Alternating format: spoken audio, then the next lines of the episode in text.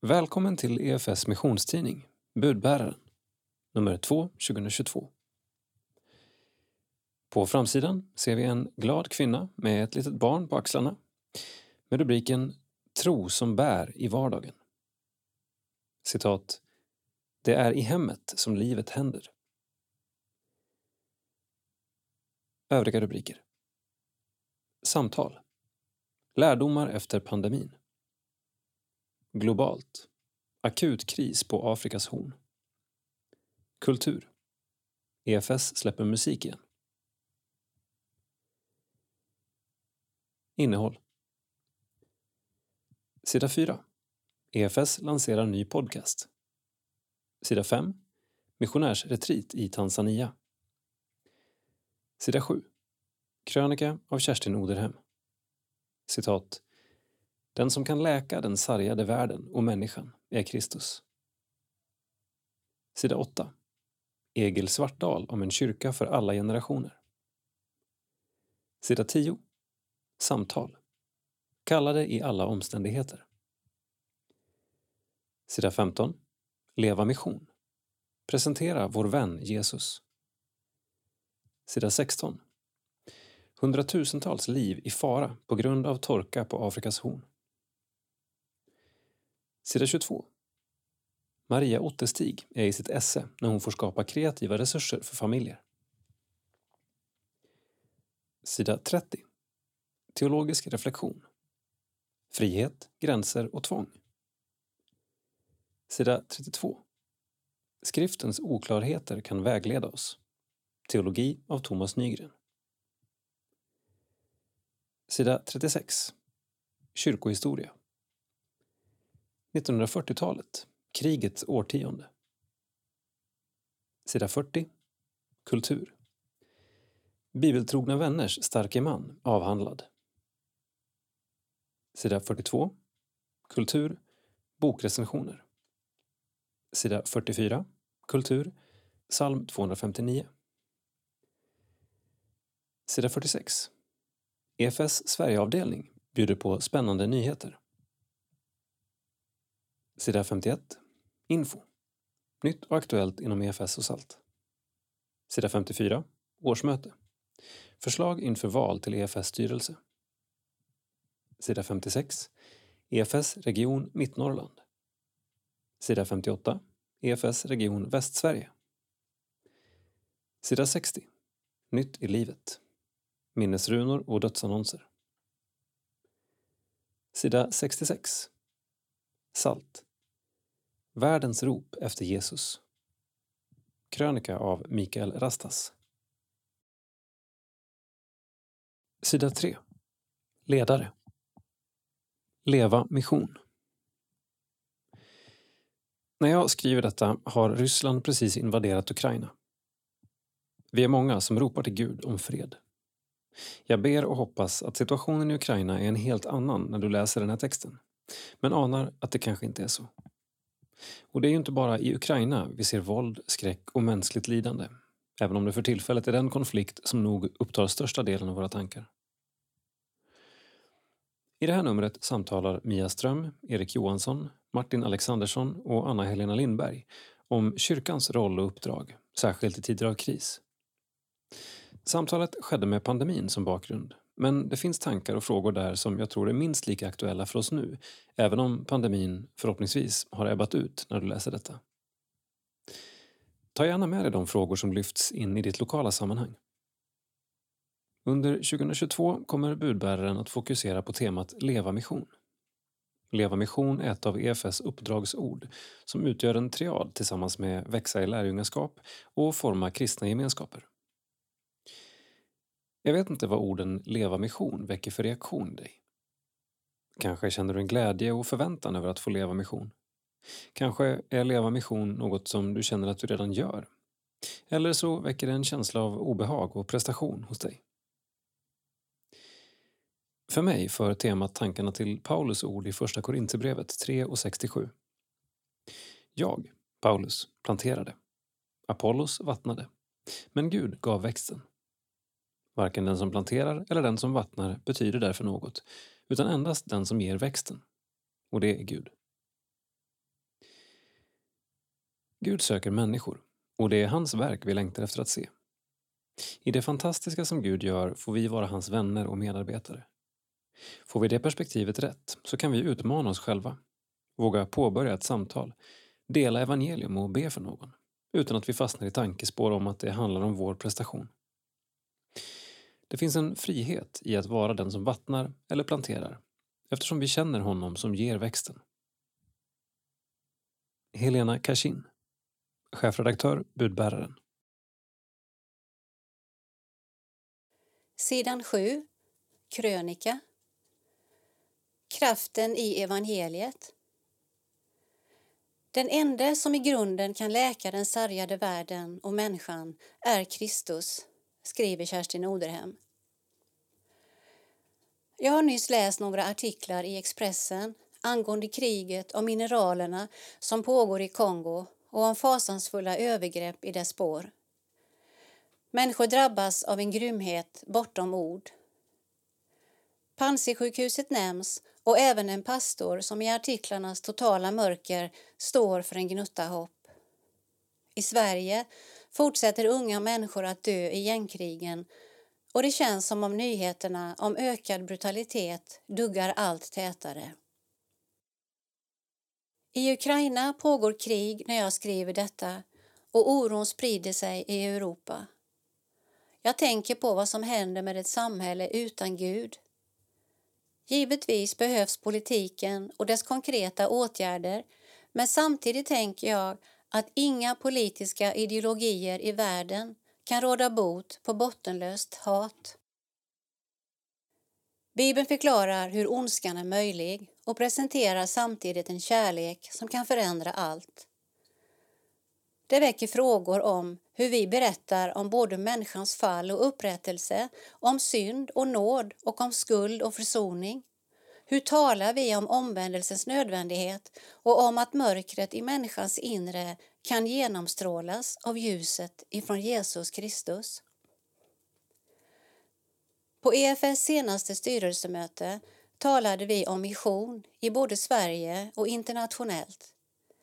Vi funderade över varför det är enklare att samla in pengar till humanitär hjälp än till evangelisation. Nu menar jag inte att det ligger en konflikt mellan de båda utan att ord och handling alltid bör gå hand i hand. Men om vi ser på EFS rötter så drevs EFS-arna att påverka EFS styrelse att starta internationell mission just på grund av detta att det var nödvändigt att människor skulle få höra evangeliet om Jesus. Hjärtan brann för mission därför att det fanns en tro på evangeliets förvandlande kraft och att Gud kan göra det omöjliga möjligt. Jag återgår till nyhetsartiklarna och känner mig förtvivlad. Under samma himmel som vi finns enormt lidande och min övertygelse är att den ende som i grunden kan läka den sargade världen och människan är Kristus. I mitt eget vardagsrum känns både Kongo och gängvåldet avlägset men jag sitter här med mitt eget hjärta. Jag behöver be för mig själv, för min egen oförmåga att älska, för min blindhet, mina felsteg och min otro. Gud, var mig nådig i din godhet. Ta bort mina synder i din stora barmhärtighet. Det är mot dig jag har syndat och gjort det som är ont i dina ögon. Vänd bort ditt ansikte från mina synder och befria mig från min skuld. Skapa i mig, Gud, ett rent hjärta och gör mig på nytt frimodig och stark. Driv inte bort mig från ditt ansikte och tag inte den helige Ande ifrån mig. Låt mig åter få glädjas över din frälsning och hjälp mig att villigt följa dig.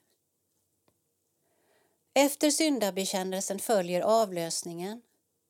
Jesus förlåter oss synden och ger oss ny kraft till att följa honom.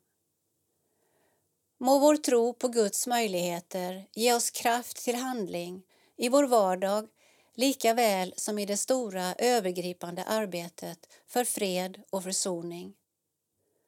Kerstin Oderhem, missionsföreståndare, EFS. Sida 8. Årskonferens. En Gud för alla generationer. EFS och SALTs årskonferens 2022 får norskt besök av TV-pastorn Egil Svartdal. Hans hjärtefråga handlar om en kyrka för alla generationer. Text Jakob Arvidsson. Egil Svartdal har en lång erfarenhet inom Pingstkyrkan i Norge och har bland annat varit föreståndare i Philadelphia-kyrkan i Oslo. Nu har han hunnit bli 68 år och i sin bok Ge det vidare talar han om vikten av att församlingar tar hand om nästa generation. Min största utmaning som pastor har varit hur bygger vi en kyrka för alla generationer? Så jag ville skriva ner mina både bra och dåliga erfarenheter. Och jag väntade medvetet tills jag kunde skriva vi äldre och inte ni äldre, säger han med ett leende. I boken pekar han ut generationen 20 till 40 år som en särskild nyckelgeneration för kyrkans framtid och tillväxt. Om den generationen finns på plats får vi deras barn och deras föräldrar på köpet. En kyrka för alla, helt enkelt. Den generationen är inte bara förfriskande utan den erbjuder också bärkraft i form av tid, tjänst och ekonomi. En viktig påminnelse är också att vi tror på alla generationers Gud som presenterar sig själv som Abrahams, Isaks och Jakobs Gud. Men hur gör man då för att få den generationen att trivas och bli kvar i församlingen? Bland oss äldre talar man ofta om trofasthet som ett sätt att hålla ut och bli kvar. Men trofasthet handlar enligt mig desto mer om att rusta upp, ge vidare ansvar och fostra nästa generation. Det kan vara svårt och smärtsamt när man varit med och styrt allt en längre tid. Men då får man påminna sig om att det finns ett högre mål. Och det är definitivt värt priset att få se nästa generation komma fram. Säger Egil och talar då utifrån egna erfarenheter från Philadelphia kyrkan i Oslo. Han gör också en liknelse med julfirande inom familjen. Vi har fem egna barn och förut var det alltid vi som satte menyn, pyntade hemmet och bjöd hem till oss. Nu, när de har etablerat egna familjer, är det vi äldre som blir hembjudna. Vi varken dukar, pyntar eller bestämmer menyn längre. Jag är fortfarande pappa, men på ett annat sätt. Det är på något vis en naturlig utveckling och det tankesättet tycker jag vi behöver få in i kyrkans ledarskap också. Att vi i rätt tid ger unga människor chans att få leda och få ansvar. Under EFS och SALTs årskonferens i Helsingborg kommer Egil att hålla en kvällspredikan och ett seminarium just kring tematiken Ge det vidare, en församling för alla generationer. Jag ser jättemycket fram emot detta och att få träffa alla EFS-are. Och jag ser fram emot att få förmedla det glädjefyllda budskapet att vi har en Gud för alla generationer och en Gud för hela livet. Jag blir aldrig för gammal och jag är aldrig för ung. Det är inspirerande. Sidan 10. Samtal. Kallade i alla omständigheter. Vi är kallade att vara kyrka oavsett om vi kan vara det på det sätt vi är vana vid eller inte. Pandemin har för många blivit ett uppvaknande inför hur sårbara vi är som gemenskaper när det oväntade sker. Vi samtalar med några EFS-medarbetare om vad vi kan lära av de senaste åren. Erik Johansson, missionssekreterare EFS. Mia Ström, Sverigechef EFS. Martin Alexandersson, nyplanteringskonsulent. Anna-Helena Lindberg, barn och familjekoordinator. Hur var vi i kyrka under pandemin? Martin Alexandersson. Något som blev tydligt i väldigt många samfund var att gudstjänsten blev det viktigaste som man hade och det var den som prioriterades att sändas. Det var den som i mångt och mycket definierade om en kyrka ställde in eller ställde om. Erik Johansson. Ja, det är intressant att vi blev så gudstjänstfokuserade och då med fokus på förkunnelsen. Gemenskap, nattvard och förbön var naturliga delar som plötsligt blev väldigt nedtonade. Mia Ström. Sedan handlar det nog mycket om att gudstjänsten trots allt är det enklaste i vår verksamhet att sända digitalt. En scoutgrupp eller pensionärsträff är betydligt svårare att göra online. Det var i alla fall vad vi i inledningen av pandemin tänkte. Anna-Helena Lindberg. Gudstjänsten leds ju ofta av anställda och det gör nog också att vi fokuserade så på dem.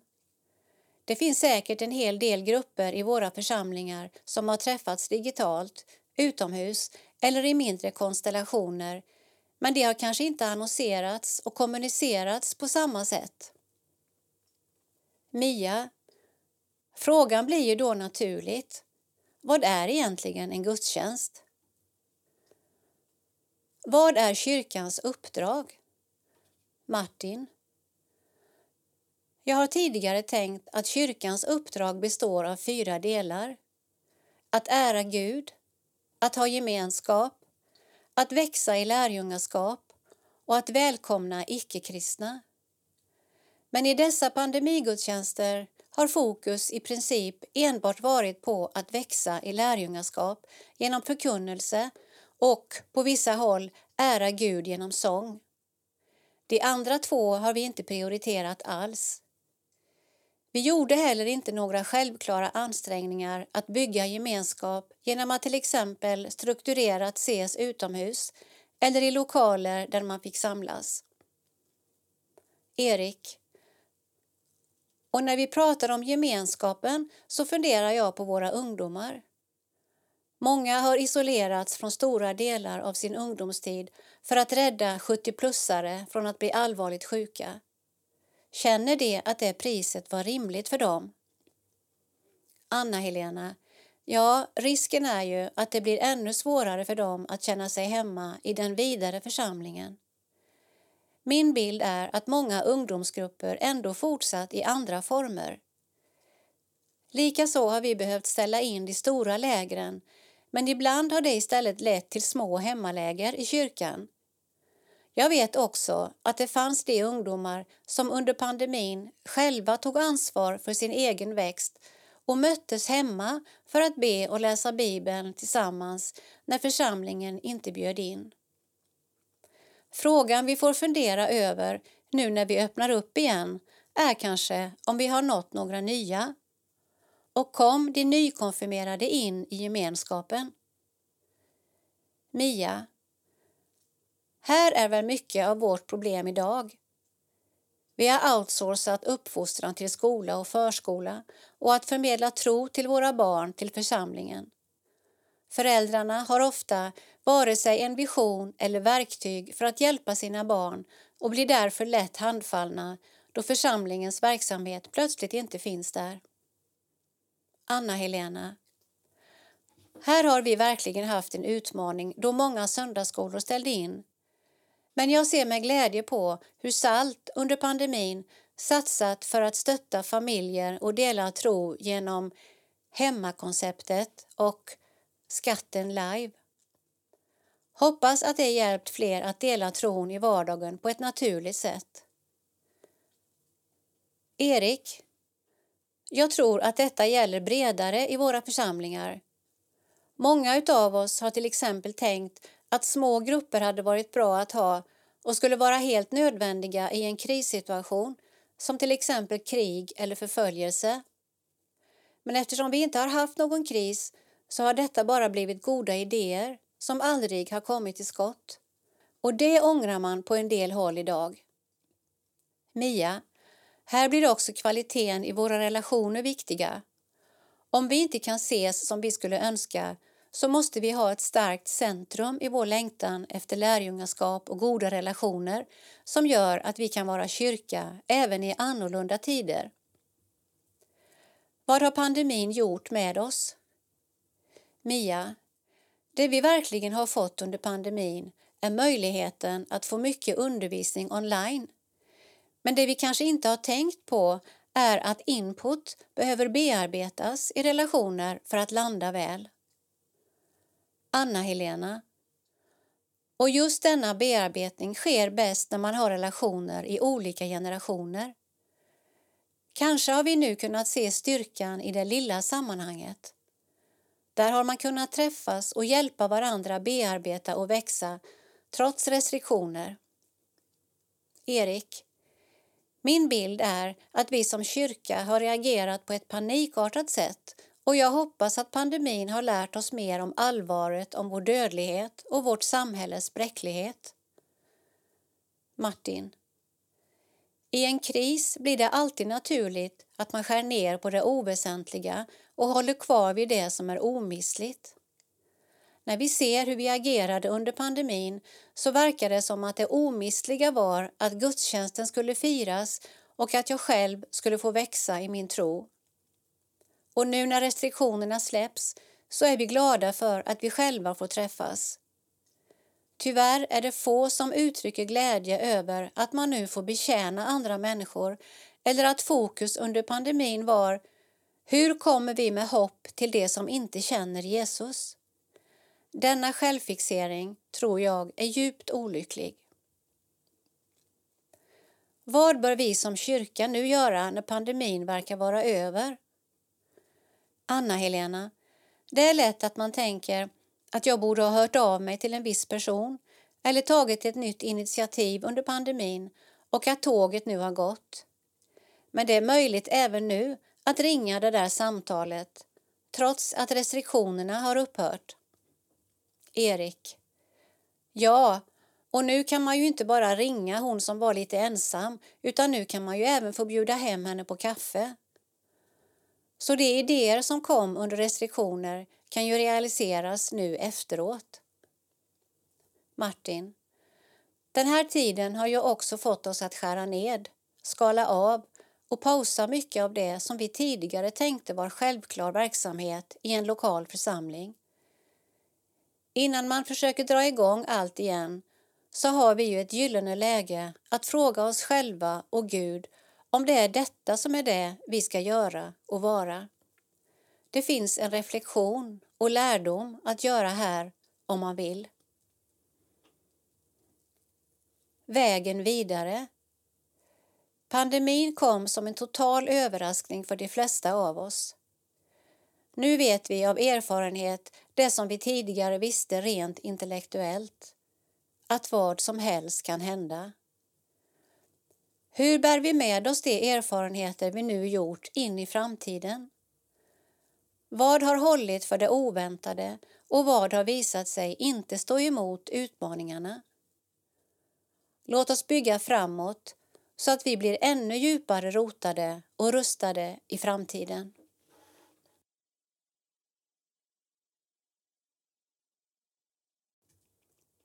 Sidan 14. Leva mission.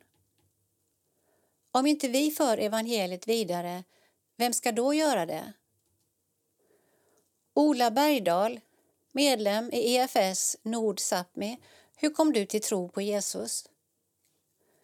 Jag läste teologi i Stockholm eftersom att jag skulle ha det som undervisningsämne i religionskunskap som lärare. Under utbildningen lärde jag känna en kurskamrat som hade stor kunskap i kyrkohistoria och hon väckte mitt intresse för tron. Under tiden började jag gå till Sankta Clara och jag blev helt tagen av den öppna atmosfären. Missbrukare satt sida vid sida med välbärgade. Jesus förvandlade mitt liv och jag har inte tittat tillbaka sedan dess. Alla har inte fått den positiva upplevelsen av att besöka olika kyrkor utan många har blivit brända. Då tror jag att vi behöver en kombination av att lyssna och en tid av vila för att läka såren. Jesus vill komma och läka våra sår i alla lägen. Du pratar mycket om nåd och försoning i Jesus. Vad innebär det egentligen? Gud längtar efter att få möta alla människor och alla ska få samma möjlighet att få möta honom.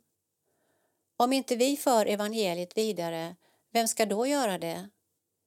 Vi är Jesu händer, fötter, ben. Vi är Kristi kropp här. Bibeln ligger starkt till grund för mänskliga rättigheter. Att dessutom drabbas av evangeliet och Jesu kärlek är det bästa sättet för att bringa försoning mellan människor. Gud är lika verksam som för 2000 år sedan. När det landar hos oss blir det en självklarhet att vilja berätta om det. I vår missionskalender får du möta Ola Bergdahl och andra personer som berättar om hur de lever mission. Beställ kalendern på www.arken.se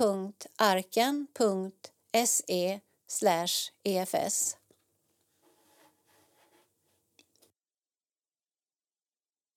Presentera vår vän Jesus. Mikael Artursson och Martin Alexandersson ger oss en utmaning för den kommande månaden. Jesu missionsbefallning inleds med orden åt mig har getts all makt i himlen och på jorden. Gå därför ut och gör alla folk till lärjungar. Matteus 28, 18b-19a. Detta illustrerar symbiosen mellan Jesus och hans församling. Tack vare att han har all makt sänder han oss att göra lärjungar. Men hur omfattande är egentligen Guds roll för att en människa ska komma till tro och vilken är vår? Det är vanligt att tänka att Guds ansvar enbart sträcker sig till att öppna upp vägen till sig själv genom Jesu försoningsverk. Att människor i min närhet får höra om Jesus, komma till tro och växa i lärjungaskap beror då enbart på mig. Det är även lätt att tänka på diametralt motsatt sätt. Eftersom Gud har all makt i himlen och på jorden behöver han knappast min hjälp för att en människa ska komma till tro. Möjligen kan mina böner för och mina gåvor till missionen göra en viss skillnad. För att varken förstora eller förminska vår egen eller Guds roll behöver vi låta bibelordet vägleda oss. I Johannes 6 och 44 förklarar Jesus att ingen kan komma till mig utan att Fadern som har sänt mig drar honom.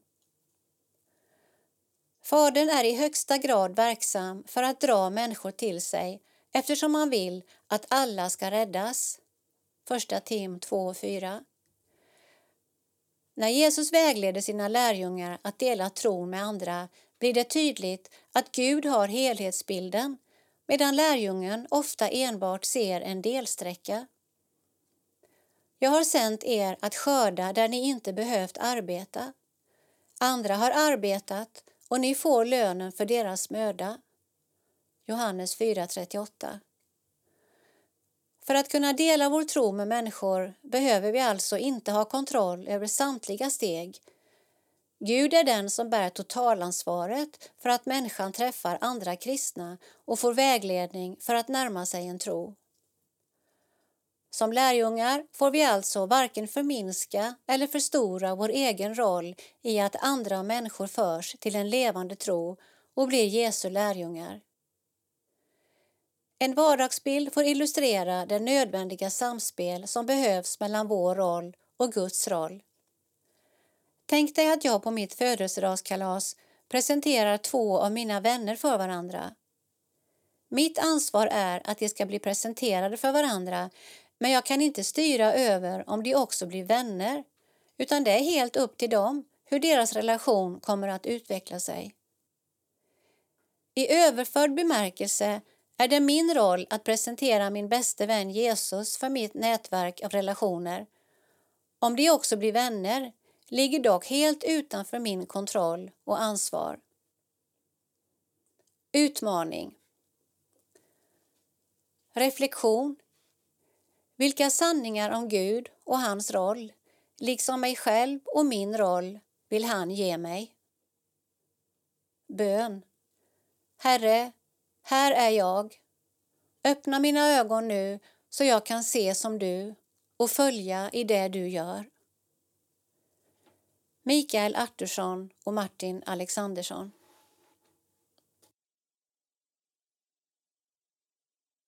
Sida 16. Globalt. Akut kris på Afrikas horn. Torkan kan leda till en av de värsta humanitära katastroferna i modern tid. Men om vi agerar snabbt kan hundratusentals liv räddas menar EFS samarbetspartner i Somalia och Etiopien. Text Magdalena Vogt. Bild VFP. I skrivande stund vaknar 13 miljoner människor i Etiopien, Kenya och Somalia varje dag utan att veta vad de ska äta eller dricka. Närmare 6 miljoner av dem är barn.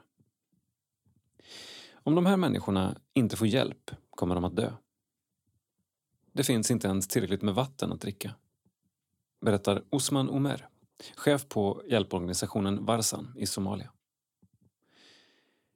Varsan har redan påbörjat arbetet med distribution av mat och vatten i de byar och flyktingläger där de arbetar. Och Osman berättar att människor är väldigt oroliga. Det finns helt enkelt inte längre några platser att hämta vatten på och någon hjälp från myndigheterna går inte att räkna med. Han ser även hur allt fler kommer till de internflyktingläger där de arbetar. Människor som tvingats lämna sina hem i jakten på vatten och bete för sin boskap. Många har också fått överge sina döende djur på vägen. Människor måste prioritera sin egen överlevnad i det här läget. När vattnet inte ens räcker till familjen och barnen får de låta boskapen torka ihjäl. Även om det är fruktansvärt och gör att de förlorar sitt livsuppehälle på lång sikt. Säger Osman. Osman minns också svälten 2011 när 250 000 människor dog på grund av torka och hungersnöd i Somalia. Han menar att om vi inte agerar snabbare den här gången riskerar vi snart att hamna i en liknande situation. Priserna för spannmål har redan nått samma höga nivåer som man såg i krisen 2011 och om det humanitära biståndet inte utökas riskerar 30 procent av Somalias befolkning att drabbas av akut matbrist redan i maj månad. Från EFS samarbetspartner i grannlandet Etiopien kommer samma typ av berättelser. Kombinationen av torka, interna stridigheter, inflation och ökad arbetslöshet i spåren av covid-19 gör nu att situationen på många håll är desperat. Abeya Vakvoya, som är chef för DASK, Mekane Jesus-kyrkans biståndsorganisation i Etiopien, är förtvivlad. Effekterna av den här torkan är så mycket värre än något vi sett tidigare. Också på grund av de konflikter som pågår parallellt. Människor svälter och flyr. Djuren dör och det är ett enormt lidande. Vi ber och ropar till Gud om nåd och frågar vad vi kan göra för att hjälpa de drabbade. Säger Abea. I ett akutskede planerar Dask att bland annat distribuera mat och vatten i södra Etiopien, i regionerna Bale och Borena som drabbats hårt av torkan. Men man har också flera andra pågående insatser i andra delar av Etiopien. Bland annat i det konfliktdrabbade Tigray. Desta Hadera arbetar på Dasks kontor i Tigray och han vittnar om en oerhört allvarlig situation även där. I Tigray beror nödläget framförallt på konflikterna. På landsbygden har bönder fortfarande lite kvar från föregående års skörd men i städerna är situationen mycket svårare och många har inte fått någon lön på flera månader. Värst är det för alla internflyktingar. För dem är svälten ett faktum nu. En undersökning som precis gjordes i den gruppen visar att 95 procent av alla barn och ammande kvinnor nu är undernärda, berättar Desta. Kyrkan försöker göra det man kan för att lindra nöden. Bland annat delar de ut mat till cirka 1000 barn varje dag. Men resurserna är snart helt slut, även för dem. De har inte ens någon bensin kvar till bilarna de ska använda för att transportera hjälpen. Desta är extra bekymrad för alla undernärda och utsatta barn. Och om Dask hade mer resurser skulle de särskilt prioritera att bistå barn och internflyktingar med mat.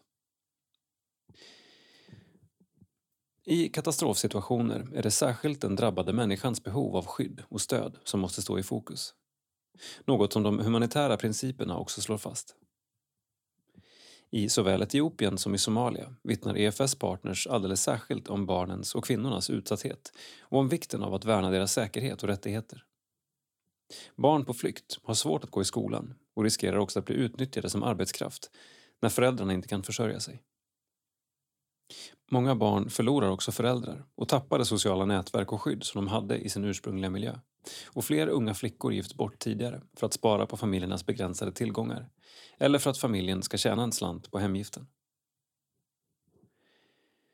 Barn och kvinnor är alltid de som drabbas värst av humanitära kriser och så är det även i den här katastrofen, säger Abeya. Osman i Somalia delar hans analys och han lyfter särskilt det könsbaserade våldet som ofta ökar i desperata och utsatta situationer.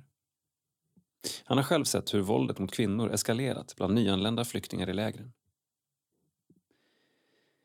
När det saknas bostäder och platser för kvinnor att söka skydd ökar de sexuella övergreppen och våldet snabbt. Detta är också något som Varsan arbetar för att motverka, säger Osman. Även om det som framförallt krävs nu är akut nödhjälp och mat för att säkra människors överlevnad behövs också ett mer långsiktigt perspektiv, menar både Dask och Varsan. Vi måste också stärka människor och samhällen så att de är bättre rustade att möta framtiden och kommande utmaningar. Mitt i krisen finns det också många lärdomar att dra som kan hjälpa oss att möta nya katastrofer på ett bättre sätt, säger Osman på Varsan i Somalia. Han berättar om Varsans tankar kring holistisk byutveckling som bland annat handlar om utbildning och att hjälpa lokalbefolkningen att se vad de har och hur de kan utveckla och använda det på ett klokt sätt.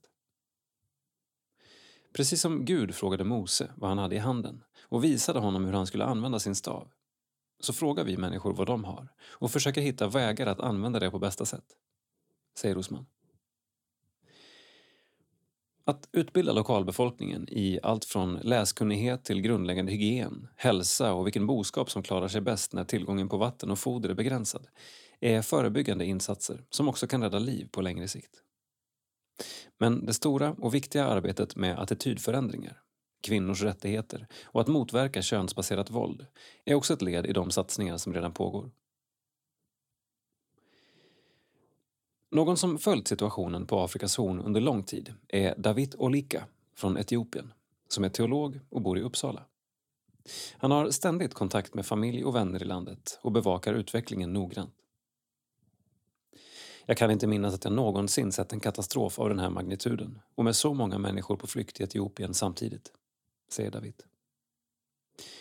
Förutom att konflikterna gör det svårt för nödhjälpen att nå fram så är stridigheterna enormt resurskrävande.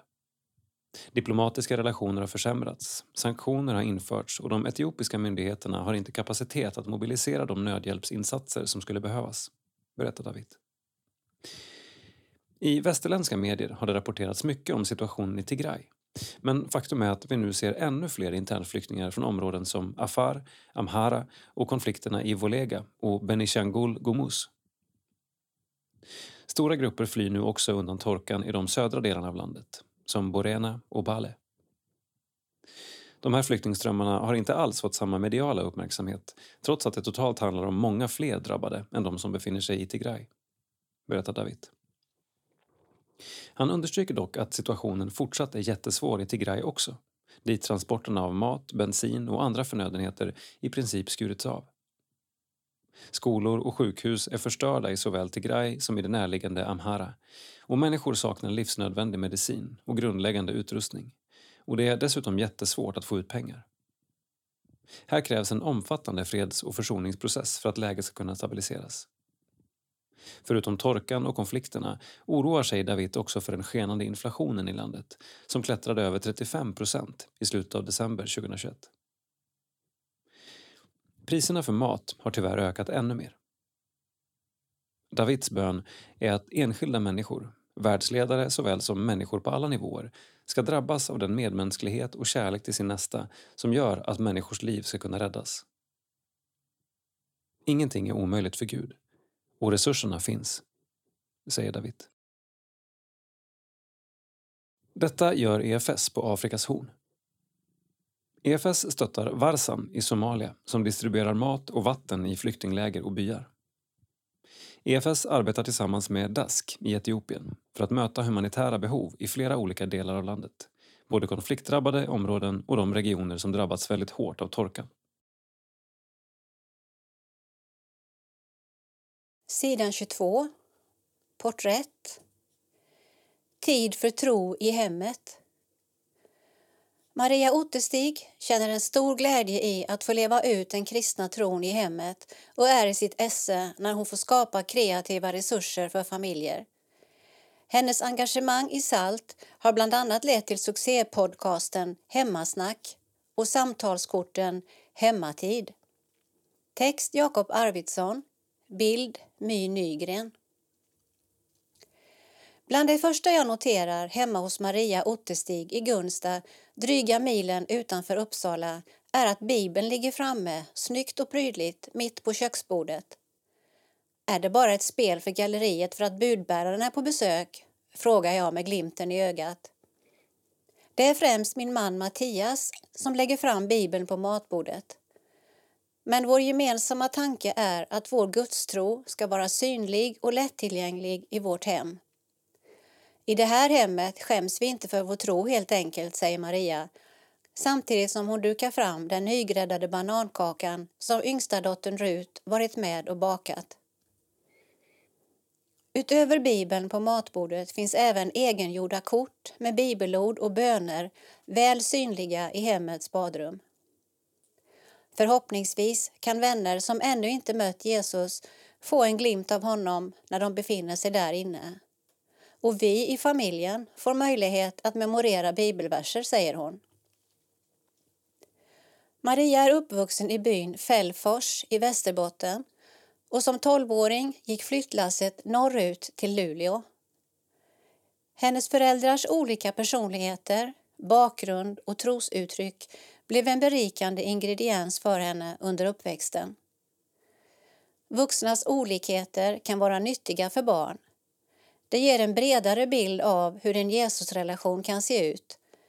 Men jag tänker också att det är viktigt att det är äkta vara som presenteras att man får vara sig själv i sin relation till Jesus, säger Maria och fortsätter.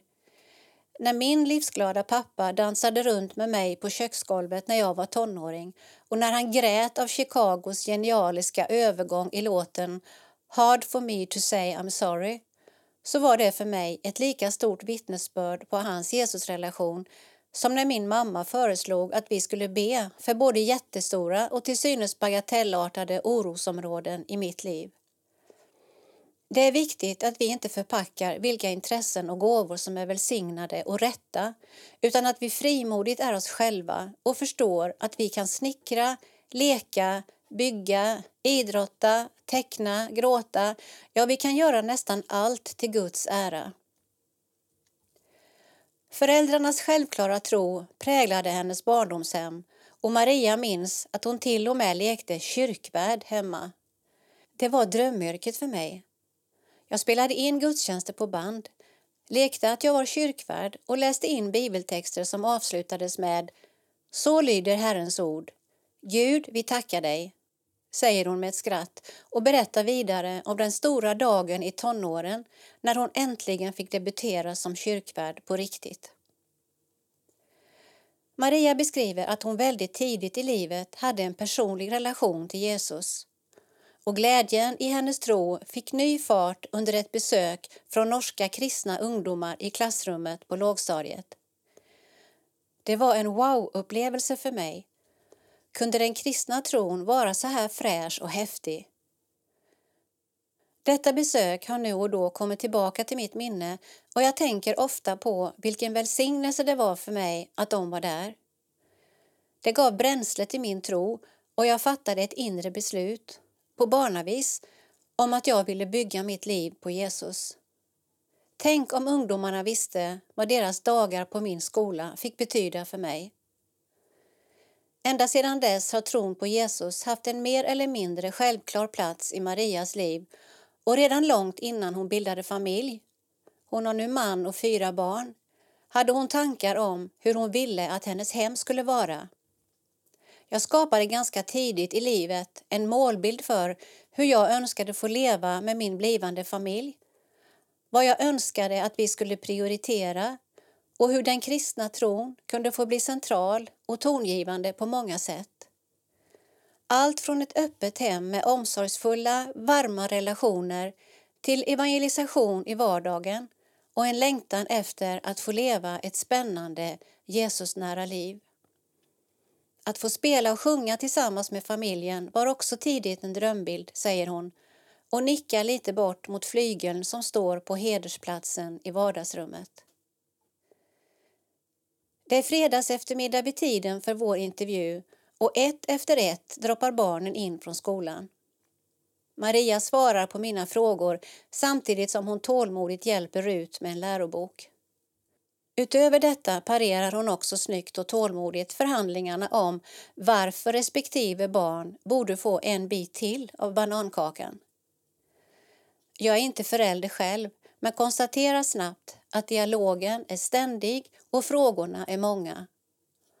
Och det var just utifrån äldsta dotterns frågor som idén till succépodden Hemmasnack föddes. När Märta var nio år blev hennes frågor om tron allt mer komplicerade att svara på. Trots att jag ändå har rätt bra koll på Bibeln och är uppväxt inom kyrkan så kände jag ändå att jag borde kunna ge bättre svar på hennes frågor. Och jag tänkte att fler föräldrar rimligen borde stå inför samma utmaning. Podcasten blev så småningom till verklighet genom SALTs pågående satsning att ta fram verktyg och hjälpmedel till barn och familjer. Podcastens upplägg är att några tweens, 10 13 år, får ställa frågor till teologen och apologeten Martin Helgesson. Medverkar gör också programledaren Marie Larsson från EFS styrelse. I dagsläget finns 13 halvtimmeslånga avsnitt att lyssna på och det första avsnittet har passerat 1300 nedladdningar. Några exempel på frågor som dykt upp är Hur kan Gud alltid ha funnits?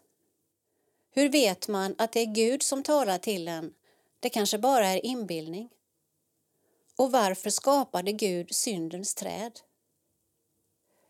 Hemmasnack riktar sig till föräldrar, barn och ungdomar och vill ge inspiration till att prata tro i hemmet. Den riktar sig även till far och morföräldrar och andra viktiga vuxna. En tidig målbild jag hade var att få stärka vuxnas trossjälvförtroende så att de lättare upplever sig kunna prata tro. Podden passar egentligen bra för vem som helst som är nyfiken på den kristna tron. Man behöver inte vara kristen. Det räcker med att vara nyfiken på tron. Och den senaste tiden har vi fått se hur den börjat användas i barn och ungdomsgrupper. En jätterolig grej är att en lokalradio hört av sig och önskar sända avsnitten så att den äldre generationen som är trogna radiolyssnare ska få inspiration till att prata tro med sina barnbarn, säger Maria och fortsätter. Barnen i podden har verkligen gjort det superbra de funderar ofta på samma saker kring tron som vuxna gör men är mer modiga och vågar ställa sina ofiltrerade frågor. Och det ger vi dem mycket beröm för. Jag sitter med i inspelningsstudion och får väldigt mycket inspiration av att bara vara med och lyssna. Att höra hur naturligt Martin och Marie bemöter barnens frågor och hur respektfullt de samtalar gör att jag ofta vill jubla och högt utbrista halleluja, så här vill ju jag också göra hemma. Vi lyssnar på poddavsnitten hemma, ofta inte så uppstyrt utan det kan bli på högtalarna i huset medan man står och diskar eller liknande. Och barnen passar ofta på att fråga om de får lyssna när de egentligen ska sova för de vet att vi inte säger nej. Podcasten Hemmasnack är som ett tillägg till den tidigare utgivna boken Hemmakyrka som en del i SALTs satsning att stärka familjer i sin tro. Nyligen släpptes också Hemmatid i samarbete med Bibeln idag. Det är en kortlek med samtalsfrågor där det släppts en version för familjer och en för parrelationer. Samtalskorten innehåller både frågor om livet och frågor om tron. För att det ska bli naturligt att prata tro i hemmet behöver man först kunna prata om vanliga saker i livet. Att hoppa över det och direkt prata om tro är att lägga ribban för högt, konstaterar Maria. Dessa verktyg hjälper alltså till så att tron kan få en större plats inom familjen, vilket såklart är en viktig nyckel för att fler ska bli kvar i tron under livets gång. Familjen är en jätteviktig pusselbit, för barn och ungdomar vistas ju betydligt mycket mer i hemmet än i kyrkan. Det är där livet händer på riktigt. Det är där vi bråkar, skrattar, gör misstag, brister, blommar och allt däremellan. Det är just därför vi vill ge kyrkan redskap till att stötta upp föräldrar och hem. Kyrkan har en väldigt viktig roll i att ge hemmen stöd. Men hur ska man tänka och agera som förälder om man märker att barnets tro håller på att sina eller kanske rent av tynar bort i takt med att de blir äldre? Det där har jag funderat en hel del på. I slutändan kommer ju mina barn göra ett eget val om de vill förbli i tron eller inte. Men angående detta fick jag ett bra tips av Berit Simonsson som är engagerad inom oasrörelsen som sa Oavsett vad som händer så är det bara att fortsätta älska. Det var så skönt och vilsamt att höra det. Och när man delar sin tro till sina barn tänker jag att man förmedlar en trygghet som de kan komma tillbaka till och bli burna av genom livet. Visst finns det många medvetna strategier och verktyg vi kan använda oss av för att få hjälp och stöd i vår längtan och strävan, men utan Guds nåd är det lönlöst. Maria menar att en annan nyckel för att kunna föra vidare tro är att det måste vara äkta vara. Och med äkta ingår att sänka ribban och känna att allt inte behöver vara perfekt. Även i en kristen familj ingår bråk och konflikter och saker som blir fel, såklart. Om vi som kristna bara ser perfekta kristna familjer där mycket verkar lyckas så tror jag att det finns stor risk att man tänker att andra familjer kan, men inte vi. Därför tror jag att det är rikt och gott att vi får vara lite som durkslag det finns något sunt med att inte alltid hålla tätt och uppvisa en perfekt fasad. Vi får både utåt sett, men även såklart inom familjen, visa att vi är vanliga människor. Vi får också ta tillfällen i akt och vara föredömen för varandra genom att be om förlåtelse när det blir tokigt och krokigt, säger Maria och fortsätter. När jag var nybliven mamma bad jag Jesus, jag ber att du helar när jag felar. Den bönen bär jag med mig.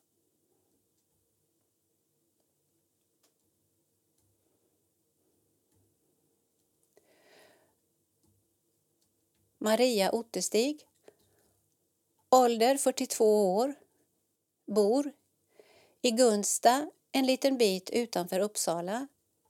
Familj Man Mattias Märta 13 år, Kerstin 11 år, Ruben 9 år, Rut 6 år, tre kaniner och två katter. Drömmer om fred och frid. Att kyrkor arbetar strategiskt på flera olika plan med familjeområdet. Ett större hus att bo i. Bibelord. Min nåd är nog för dig, ty kraften fullkomnas i svaghet. Andra Korinthierbrevet 12 och 9.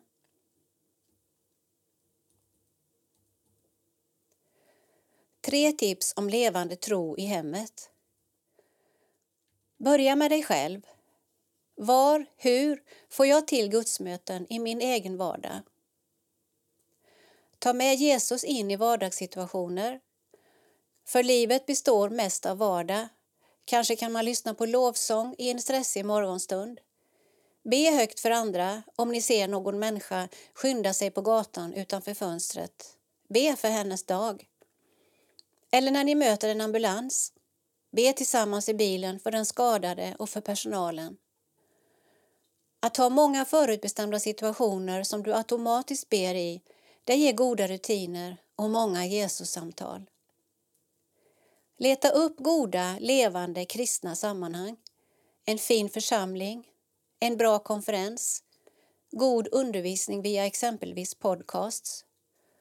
ta rygg på bra förebilder och umgås bland annat med människor som längtar efter samma sak som du. Maria om Hemmakyrkan. Om saker går hem hos barnen så går det hem hos föräldrarna och så är det med hemmakyrka. Våra barn tycker om när vi tar fram och använder boken. Hemmatid är en smart och väldigt vettig grej för alla i familjen och dessutom är det den bästa presenten att ge bort till farmor och farfar, till kollegan som förlovningspresent eller som gå bort-present. Tänk om yngre och äldre kunde få mötas och samtala utifrån korten. Hemmasnack. Jag önskar att alla skulle få möjlighet att vara med när vi spelar in. Det ger mig massor. Om vi inte skulle behöva redigera för att få ned samtalstiden så skulle även allt godisprassel och alla skrattanfall få vittna om fantastiska inspelningstimmar. Sidan 30. Teologisk reflektion. Frihet, gränser och tvång. Att samtiden är så fixerad vid individens upphöjelse riskerar få oss att tänka att det kristna livet handlar om vad jag kan få snarare än vad jag kan bidra med, skriver Amanda Vardian. Text Amanda Vardian. Illustration Benjamin Kruse. De vanligaste fördomarna jag möter som kristen handlar om att jag måste vara väldigt begränsad och kuvad under alla regler och saker man ska göra. Jag kan till viss del känna igen mig vid den beskrivningen. Under perioder i livet har det känts som att vi som kristna bara ska checka av trons att göra-lista eller kanske att inte göra-lista. Men när siktet ligger på att checka av punkter på en lista har vi totalt missat målet. Som ung och nykristen kunde jag ibland i ren desperation söka efter svartvita svar genom vilka jag skulle kunna navigera mitt liv. Läs Bibeln, fick jag som svar och blev lite besviken varje gång för inte kunde jag väl hitta svar där på hur jag som tonåring skulle leva på 2000-talet. Jag försökte så gott jag kunde vara en god kristen och snabbt lära mig att passa in i kyrkan. Efter läger och konferenser var jag riktigt motiverad att börja nya rutiner och sätt att leva. Jag skulle läsa Bibeln varje dag och bli mer lik Jesus. Jag hade alla möjliga armband med kristna uttryck, ett coolt bibelfodral och lyssnade bara på kristen musik. Men det tog väl ungefär en kvart och sen hade jag misslyckats. Bibeln låg oöppnad och jag lyckades verkligen inte älska folk så som Jesus. Men så försökte jag igen, och igen, och igen. Jag jämförde mig med mina kristna vänner som var superduktiga på att läsa Bibeln varje dag och ville så gärna ha det de hade. Men till slut var glädjen borta och jag kände mig misslyckad. Den omvälvande kärleken jag golvades av som nyfrälst hade bleknat och nu kändes det kristna livet mer som en börda. Gud verkade inte bry sig om mina prestationer och jag var vilsen och besviken. Att leva som kristen i en prestationsfokuserad tid är en riktig utmaning. Vi vill å ena sidan följa Guds röst och ledning men påverkas å andra sidan oerhört mycket av vår samtid. Att samtiden dessutom är så fixerad vid individens upphöjelse riskerar få oss att tänka att det kristna livet handlar om vad jag kan få snarare än vad jag kan bidra med. Magnus Malm skriver Därför klamrar vi oss så ängsligt fast vid våra tryggheter och så kallade rikedomar som om Gud krävde ett förfärligt offer av oss för att sedan störta oss ut i asketisk självstympning enskilt och som kyrka. Djupast är detta naturligtvis ett avslöjande av vår egentliga gudsbild. Parentes, I Lammets tecken, sidan 115, slut parentes. Paulus skriver till korintierna men jag är rädd för att liksom ormen överlistade Eva med sin slughet så skall också era tankar förföras och lockas bort från uppriktigheten och renheten gentemot Kristus. Andra Korintsbrevet 11 och 3. Jag tror att han vill påminna dem om deras första möte med Jesus, om enkelheten i relationen till honom, att lägga av allt som vi gjort komplicerat, att komma tillbaka till kärnan. Paulus menar att lagen har en fostrande roll för oss. Om det inte stått i lagen att vi inte ska ha begär hade vi inte vetat vad begär var. Romarbrevet 7, 7-9. Lagen ser till att synden i och runt oss blir synlig och tydlig så att vi också kan veta hur vi ska stå emot den och ta tag i den. Martin Luther talar också mycket om lagen och dess verkan på oss. Dels att den avslöjar mig i mina tillkortakommanden och synder så att jag söker mig till Guds nåd. Dels att den, efter att jag tagit emot evangeliet och förlåtelsen, blir en gåva och vägledning som jag med glädje vill följa. Lagens främsta roll är alltså inte egennyttig utan den pekar på Jesus Kristus som inte dog på korset för att du skulle bli en plikttrogen regelföljare utan för att han älskar dig och vill ha en levande relation med dig. Det, mina vänner, är det största och mest livsförvandlande med den kristna tron. Att Gud kommer till oss och att vi av nåd får ta emot. Ja, vi ska följa Guds bud, men Guds kärlek till oss består oavsett hur mycket vi faller och misslyckas med det. Kanske ligger det därför en hemlighet bakom orden när Jesus säger att vi ska gå in på vår kammare när vi ska be. Matteus 6 och 6. I kammaren är det bara jag och min fader. Där finns inga distraktioner eller människor att jämföra sig med. I den totala intimiteten med honom vågar jag kanske också släppa garden för jag kommer att påminnas om den första kärleken till honom. När vi vågar vara stilla inför honom kommer han vara fullt aktiv att forma om vårt inre men inte på ett påstridigt sätt utan med kärleksfull varsamhet. Där kan min gudsbild få revideras och bli mer likt den han verkligen är. Ibland tror jag att det skav och borden vi känner inför att be eller umgås med Gud är för att vi gjort dem för komplicerade. Men istället för att ge upp, som jag gjorde som ung, lyssna till skaven och dina omötta behov. Lyft dem på din kammare och var brutalt ärlig med hur du känner. I det mötet växer friheten fram. Sidan 32. Teologi. Bibelns oklarheter som vägledning. Skriftens oklarheter kan rätt förstådda vara en del av Guds sätt att tala till oss, skriver Thomas Nygren. Text Thomas Nygren.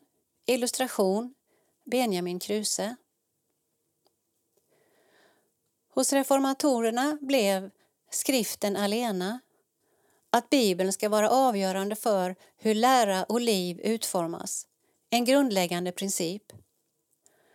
Ibland kallas detta reformationens formalprincip. Den innebär att Bibelns budskap bäst förstås genom Bibelns egna tolkningsnycklar. För Luther betyder detta att det inte finns någon annan auktoritet som står över Bibeln och ger den dess rätta tolkning. Varken kyrkan, traditionen eller andliga erfarenheter definierar budskapet. Det gör Bibeln själv. När vi läser den kommer frälsningsbudskapet om Kristus alena fram. Bara Jesus Kristus kan rädda människan i hennes yttersta nöd. Räddningen är tillgänglig genom ordet, när det förkunnas eller läses. När budskapet om Jesus kommer till mig kan den helige Ande göra det levande. Det är så Guds ord visar sin auktoritet.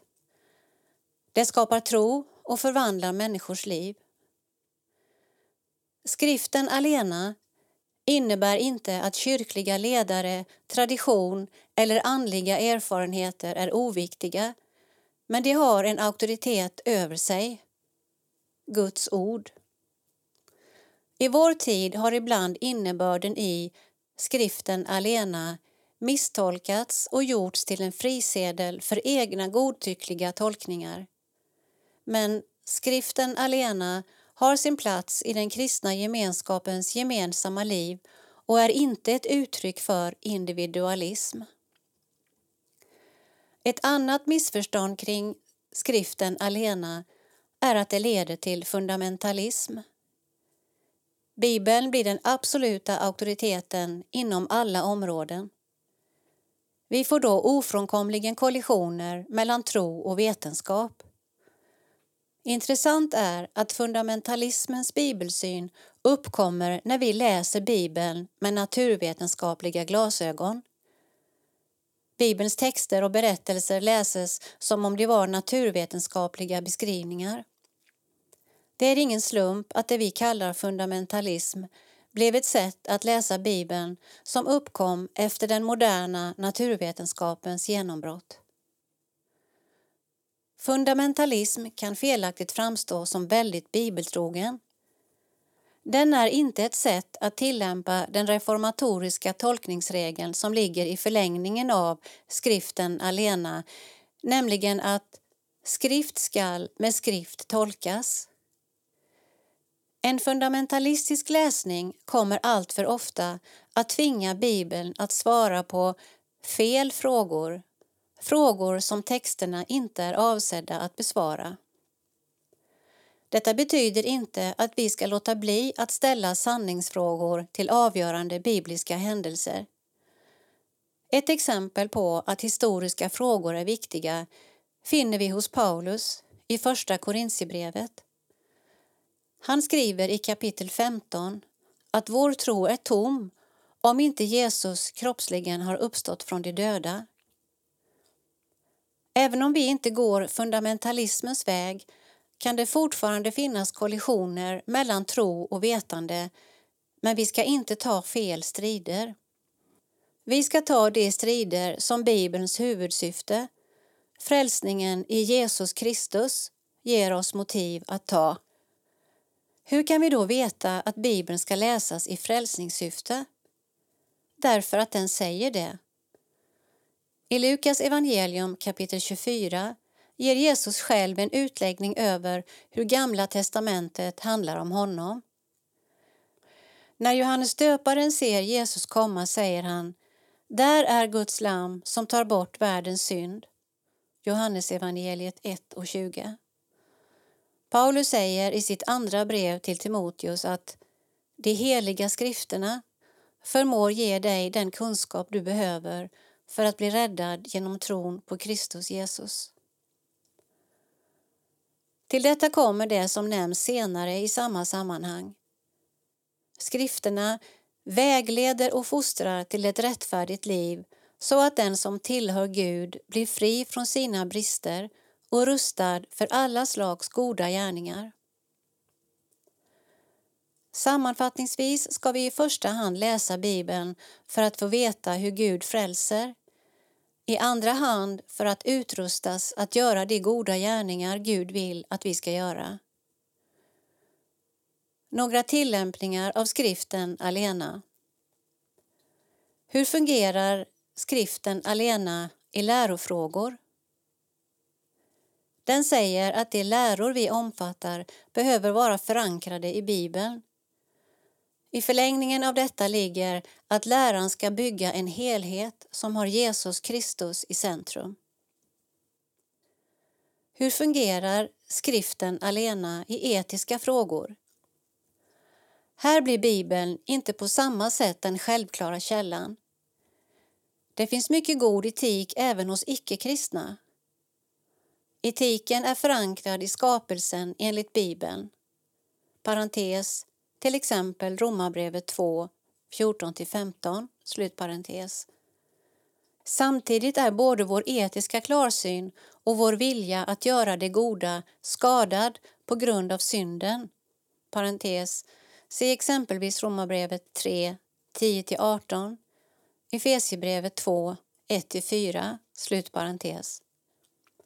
Här kommer Bibeln in med sin hjälp genom att den helige Ande ger extra drivkraft att göra gott och bättre urskiljning av vad som är rätt och fel.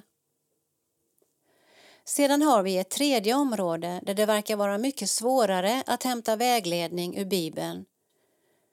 Hur gör vi där Bibeln är självmotsägande? Ett exempel på en sådan fråga är om kvinnor kan vara förkunnare och ledare i församlingsarbete. Paulus skriver i Första Timoteusbrevet 2.12 Att själv undervisa tillåter jag henne inte.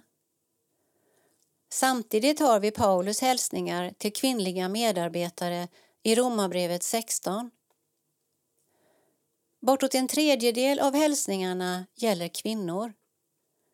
Flera av dem fungerade i ledande roller som innefattade förkunnande uppgifter, vilket vi förstår av titlar och beskrivningar. Till och med i Gamla testamentet skildras kvinnor som är ledare, som domare, för folket, även om det inte är huvudlinjen. Frågan kan ställas hur Bibeln och Paulus egentligen ska ha det.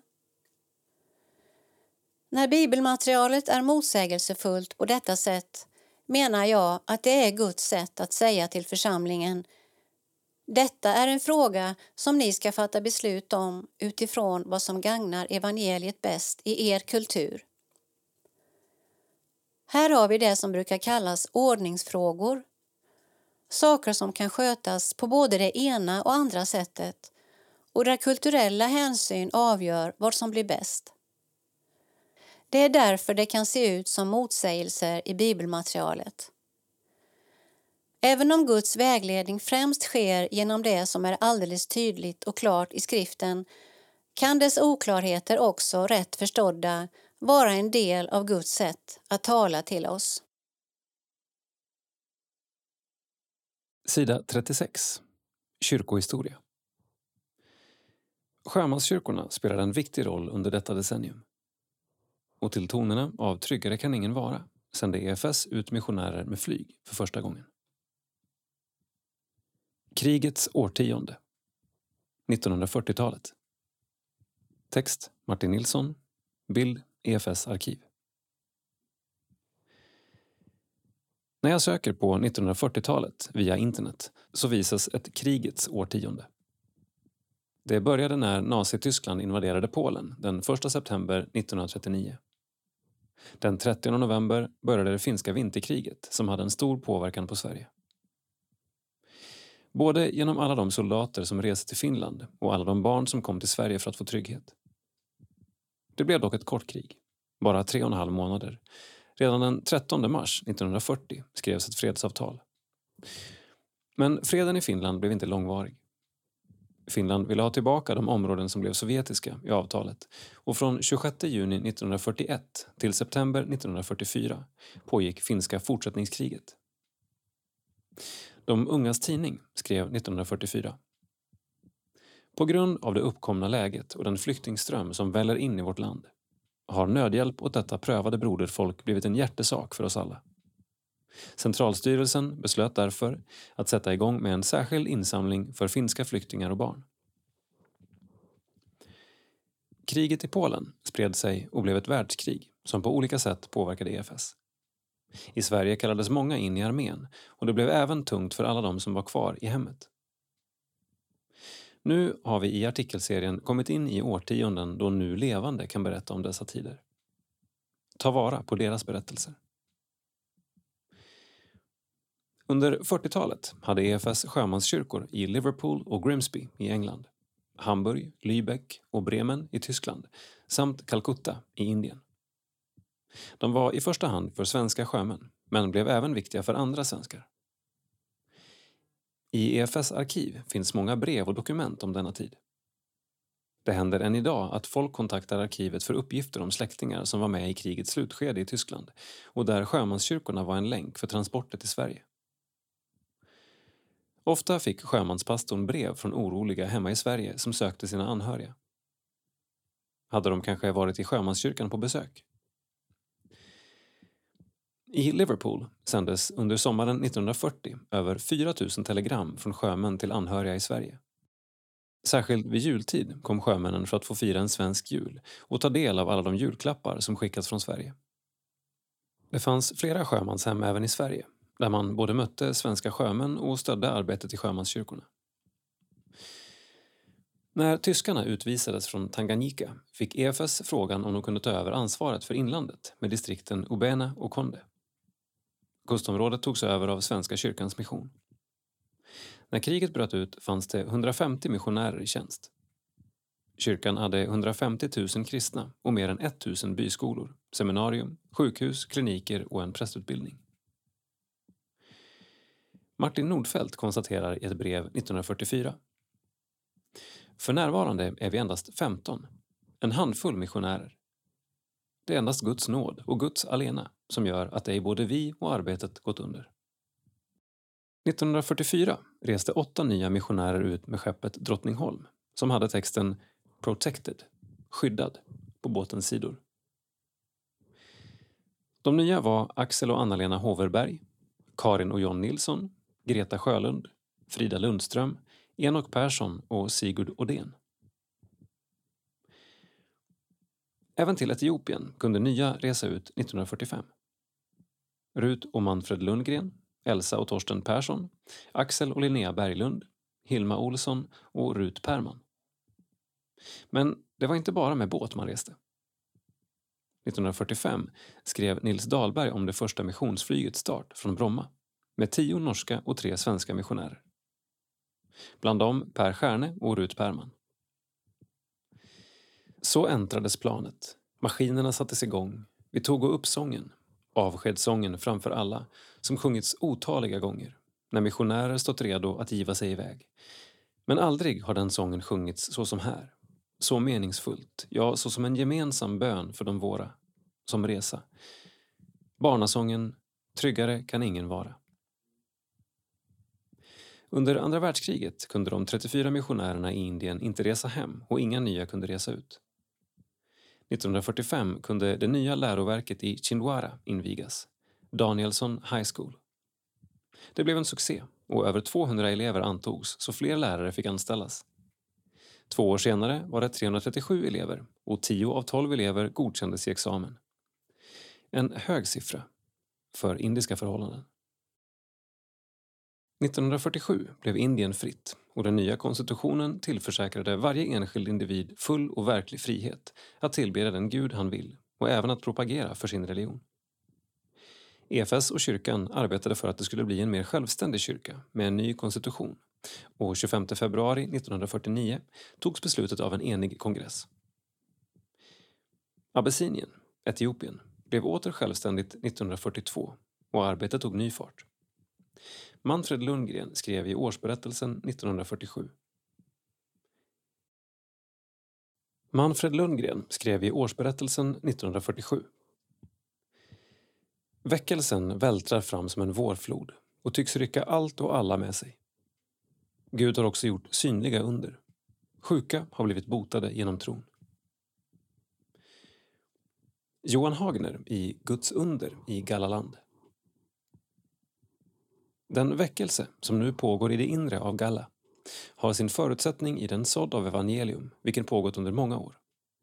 Varje ABC-bok, i och för sig så enkel och anspråkslös, har varit ett medel som öppnat dörren till galaernas sinnen och hjärtan för evangelium. Varje Galla-bibel, och de är spridda i tusental, är en evighetens sådd i hjärtevärldarna. Varje sångbok, sliten och solkig, vittnande om flitigt bruk, har bringat det spontana budskapet om en evig värld, okänd för de flesta galaer. Vi ser en bild på en smal, hög kyrkbyggnad med en svensk flagga utanför och skylten Svenska kyrkan. Bildtext Sjömanskyrkan i Lübeck. Och vi ser en bild på en etiopisk herre med grånat hår och skägg. Och bildtexten Den tidigare Kalitchan, trollkaren, Abba Beka Sambo i Nejo, Etiopien, drabbades av väckelsen. Och en bild på ett stort fartyg med enorma bokstäver på sidan Drottningholm, Sverige och svensk flagga. Och texten Protected. Med bildtexten Svenska Amerika-linjens ångfartyg Drottningholm. Kommentar det som förvånar mig är det faktum att kriget från första början tycks ha utgjort en utmaning som Sverige och EFS mötte snabbt, modigt och helhjärtat. Finland som krigsfront och finska barn som utsatta och behövande möttes av Sveriges och EFS stöd på ett imponerande sätt. Inte minst med tanke på fiendens överlägsna maktställning. Martin har nämnt och beskrivit de moment som utgjorde ett rop. Sjömanskyrkorna, ett utökat missionsengagemang genom att EFS tog över tidigare tyska missionsområden i Tanganyika, nya satsningar i Indien och Etiopien, inte minst från och med 1945. Det var kunniga, engagerade missionärer som Manfred och Rut Lundgren, Stjärnes, Rut Perman med flera som inledde efterkrigstidens imponerande EFS-satsningar i min barndoms Etiopien. Jag är också imponerad av det faktum att EFS sjömanskyrkor blev så betydelsefulla platser och att man än idag frågar efter människor och deras öden. Sjömanskyrkorna och deras arkiv hos EFS har blivit ett slags dokumentationscentrum där släktingar eller forskare letar efter svar.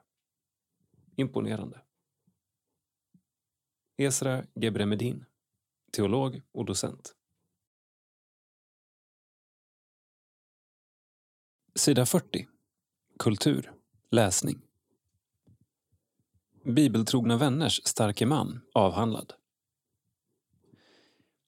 Erik J Anderssons avhandling hjälper oss förstå hur Axel B Svensson fungerade under sin tid som missionsledare för Bibeltrogna vänner. Text Lars-Olof Eriksson Bild EFS arkiv.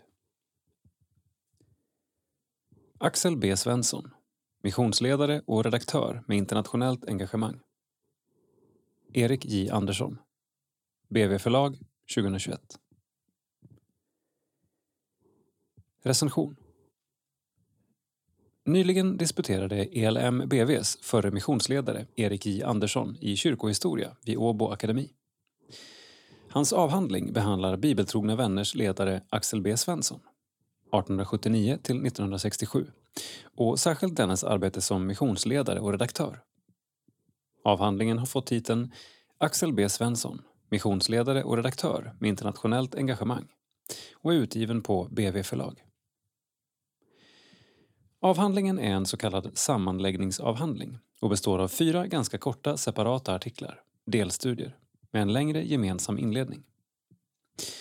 Formatet gör att det blir en hel del upprepningar och att analysen nog fått ge vika för mer refererande textpartier. I den inledande delen ges sedvanlig bakgrund till avhandlingsarbetet och läget vad gäller källmaterial samt en överblick över den tidsperiod Svensson var aktiv. Här ingår även en sammanvägning och genomgång av vad de fyra delstudierna bidrar med till bilden av Axel B Svensson som missionsledare. De fyra delstudierna behandlar i tur och ordning frågan om starten av BVs utlandsmission i relation till EFS mission. Vissa brännande frågor i BVs missionsarbete i Etiopien på 1920-talet och Svenssons roll i sammanhanget.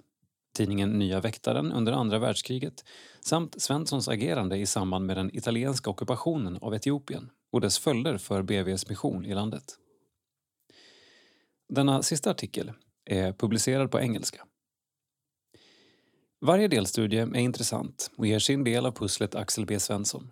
Ett pussel som ändå förefaller inte vara riktigt helt färdiglagt, heller med denna avhandling. Vid läsningen av boken dyker i mina tankar ett par frågor upp gång på gång. Den ena rör Svenssons sätt att leda. Det antyds i några sammanhang, det gäller till exempel arbetet i Etiopien i slutet av 1920-talet, att det fanns konflikter runt honom som ledare. Det är inget konstigt i sig, men frågan är vad som var orsaken till dessa konflikter. Här tror jag att det vore nyttigt att gräva lite djupare för att förtydliga bilden av Svensson just som ledare. Konflikter och sättet att hantera dem kan vara väldigt avslöjande. Den andra frågan rör förhållandet mellan EFS och BV. Om detta finns mycket både skrivet och sagt och troligen är bilden av vad som hände när BV bildades någorlunda klar, även om vi förvisso betonar olika när vi försöker beskriva det hela. Återigen ligger inget konstigt i det. Det hör till historieskrivningens villkor. Men också här finns en punkt som jag tror hade mått bra av att granskas närmare. Det gäller Svenssons roll i samband med bildandet av Mekane Jesuskyrkan i Etiopien och den av BV stödda lutherska kyrkans val att inte vara med. Andersson antyder något alldeles i slutet av den sista delstudien. Men vad är det han säger? Erik J Andersson har gett oss en intressant bok, en kyrko och missionshistorisk skiss som hjälper oss att förstå hur Axel B Svensson, BVs starke man under mer än ett halvt sekel, fungerade som missionsledare och i viss mån redaktör. Och som i all god forskning både besvaras och väcks frågor. Precis som det ska vara. Och vi ser en bild på Axel B Svensson i predikstolen i Betlehemkyrkan i Stockholm.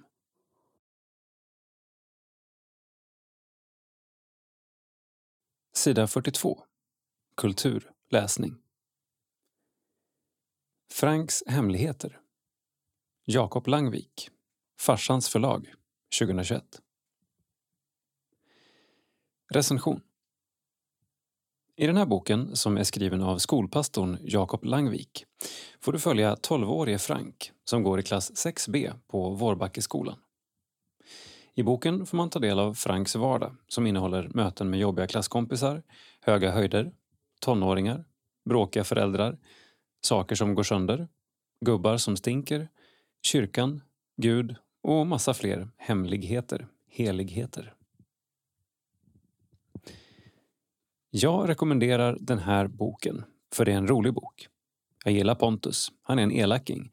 Och jag gillar Melker, som är liten men modig. Och så gillar jag Conny, han är väldigt stor och stark. Citat Alfie Woodrow, 10 år. Tio frågor som alla unga bör ställa och besvara om kristen tro. Rebecca McLaughlin. Apologia 2021. Recension. Om du är för ung för att köra bil men funderar över livets stora frågor så är den här boken för dig.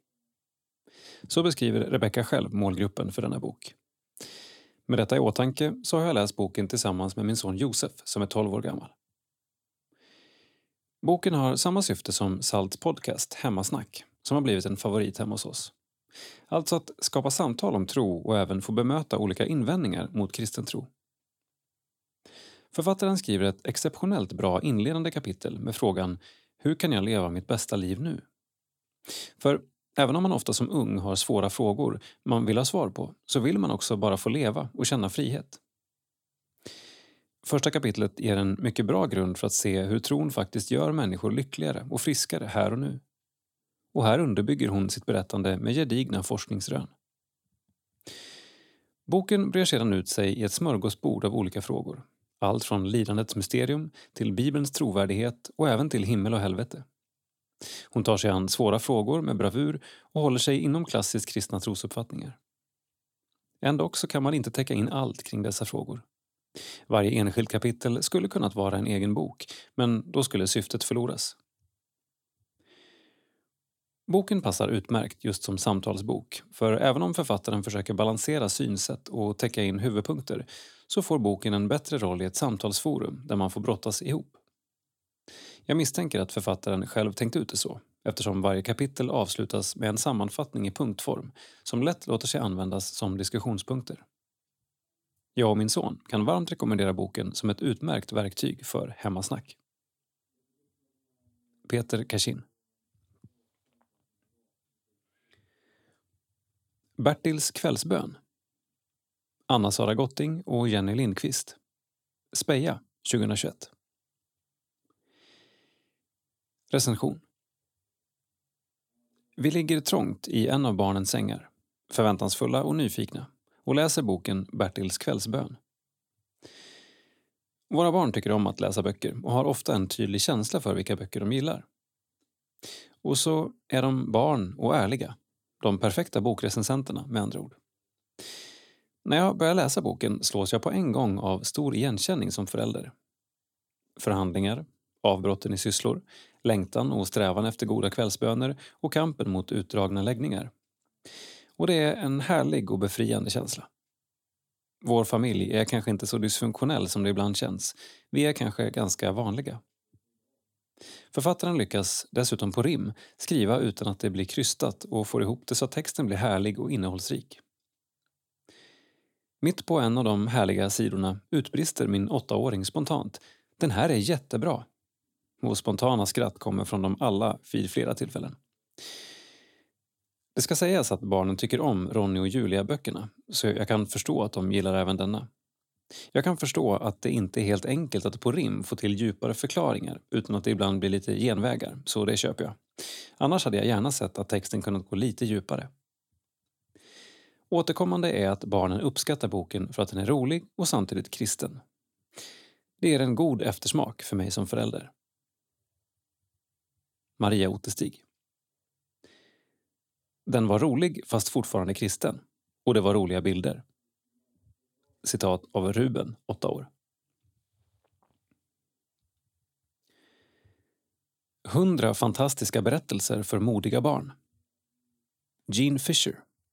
Bornlings förlag 2021. Recension.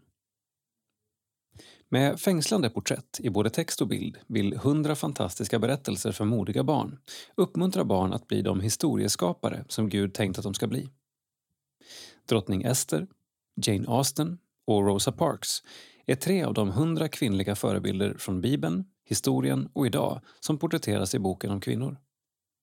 Den uppfattas som ett välkommet kristet svar på trendande böcker som Godnattsagor för rebelltjejer. Här finns även hundra berättelser om män. Undrar om inte författarna hade tjänat på att skriva en gemensam bok om människor som förändrat världen och låta den om kvinnor stå för sig själv. Boken om kvinnor vinner mycket på att den har berättelser om för många okända bibelkvinnor som litat på Gud och satt sitt hopp till Jesus. Däremot tappar böckerna lite på grund av sin utgångspunkt i amerikansk missions och samhällshistoria, vilket skapar en klyfta. En svenskförfattad motsvarighet hade nog varit på sin plats. Sofia Svensson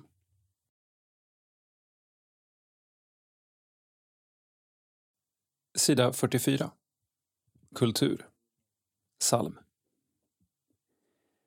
Psalm 259 Saliga visshet Saliga visshet, Jesus är min. Himmelens glädje fyller mitt sinn. Född av hans ande, ren i hans blod, får jag förtröstan, styrka och mod. Han är min glädje, han är min sång. Honom jag prisar livsdagen lång. Han är min glädje, han är min sång. Honom jag prisar livsdagen lång. Allting jag uppgav, allting jag vann. Strålande morgon för mig upprann. Inom mig hör jag änglar ge bud. Tala om nåd och kärlek från Gud.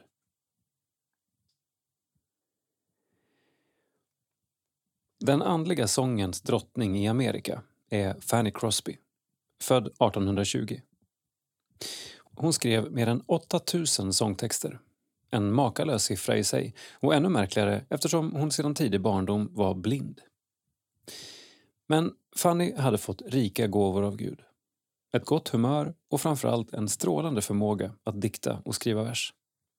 När hon var barn startades den första blindskolan i New York och som 15-åring fick hon flytta dit och börja studera. Vid viktiga besök ombads Fanny att skriva välkomstdikter för att hedra gästerna som märkte att även blinda barn kunde vara mycket begåvade. Några av USAs presidenter hörde till de imponerade åhörarna. Efter sin examen blev hon lärare på skolan tills hon 38 år gammal gifte sig med en musikalisk kollega, Alexander van Alstein. Fanny hade skrivit dikter sedan barndomen men det var inte förrän hon gift sig som hon började skriva andliga sånger under bön om att de skulle bli till välsignelse och leda människor till tro. Några av dem finns i psalmboken, som Låt mig få höra om Jesus, psalm 46, och Hela vägen går han med mig, psalm 252. Jesus, korset och frälsningen är återkommande teman i hennes sånger. Väckelsens kompositörer stod nu i kö för att få hennes texter. En dag fick hon besök av Phoebe Knapp som spelade en glad melodi för henne.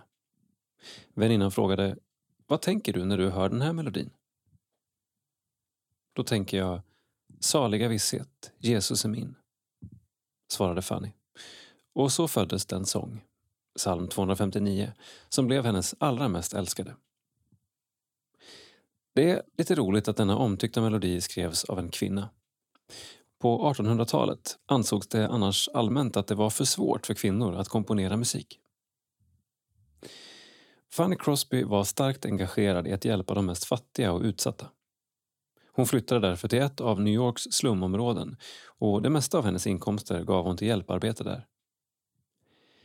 Den lilla damen blev hela 95 år gammal och hon var verksam in i det sista. På hennes gravsten i Bridgeport på USAs östkust finns första versen av Saliga visshet. Torbjörn Arvidsson Sidan 46 Kultur Nu är det ljud igen. Här kommer en glädjande nyhet. EFS skivbolag, Kantio, återuppstår. Första skivan som ges ut är en psalmskiva av Petter och Helena Alin. Text Jakob Arvidsson, bild Magdalena Vogt. Ni som var med på 1970-talet och 80-talet minns säkerligen EFS skivbolag Country Records som gav ut flera av Sveriges mest kända artister inom kristen musik under den tiden.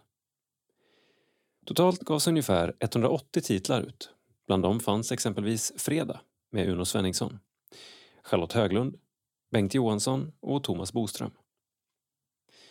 1989 förvärvades dock Cantio av skivbolaget Viva som sedan fick namnet David Media. Nu står det glädjande nog klart att Cantio återuppstår. Det har varit ett samtal som legat och bubblat i flera år egentligen. Då och då har en längtan efter att få ge ut musik igen dykt upp och nu blir det verklighet. Det finns en viss bävan inför detta men framförallt känns det jättespännande. Konstaterar musikkonsulenten Elin Redin som funnits med i den arbetsgrupp som gjort detta möjligt. Musiken bär en stor del av mångas tro i vardagen så vi har funderat på vilka sätt vi skulle kunna bidra på som rörelse. Vi vill lyfta god teologi genom musiken och det var det som kickade igång det här arbetet, säger Elin. Det första skivsläppet från det nya Cantio kommer i samband med EFS och SALTs årskonferens i Helsingborg. Det är en skiva av Petter och Helena Alin, verksamma i Betlehemskyrkan i Stockholm, där klassiska salmer får ett nytt och modernt uttryck. Det är en stor produktion som bland annat innefattar en orkester från Lutherska Missionskyrkan i Göteborg ledd av Sven Fridolfsson. Skivan är producerad av Petter Alin, Jeremia och Emil Sydhage, Josefina Gniste och Treehouse Wait.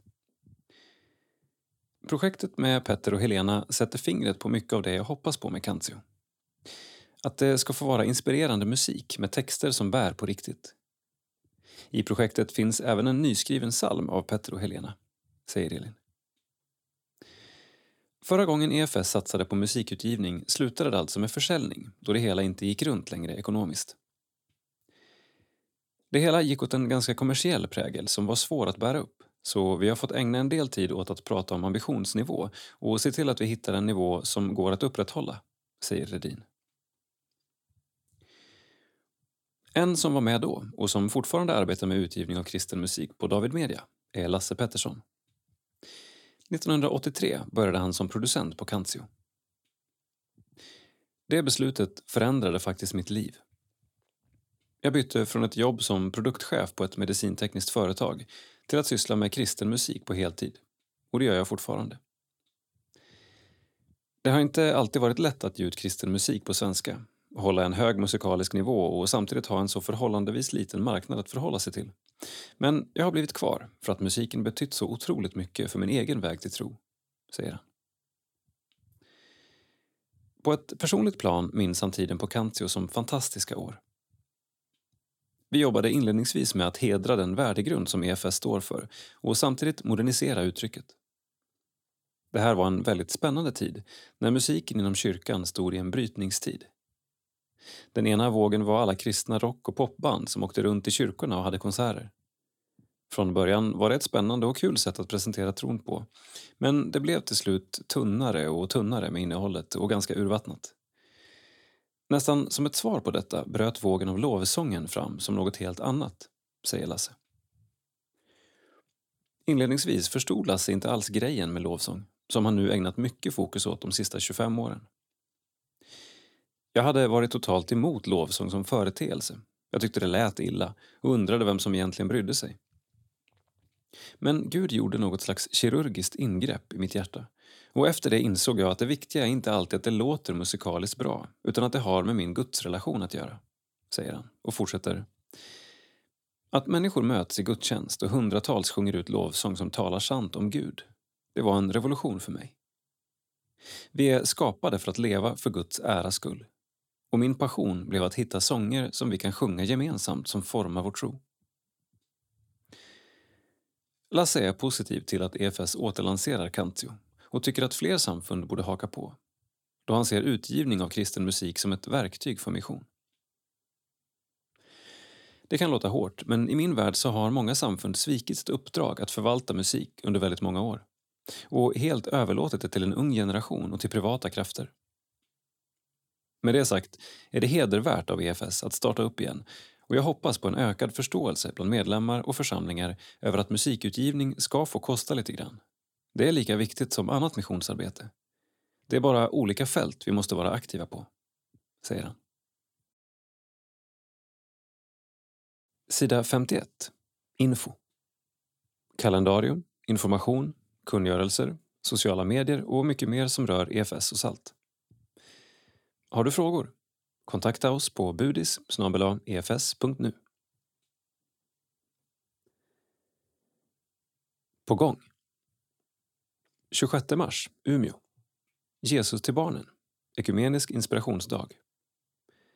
2 april, online. Regional mötesplats Mittnorrland via Zoom. 8-10 april, Skellefteå. Helg om mission med Erik Johansson. 9 april Allingsås. Nära 2022. Regional mötesplats EFS Västsverige.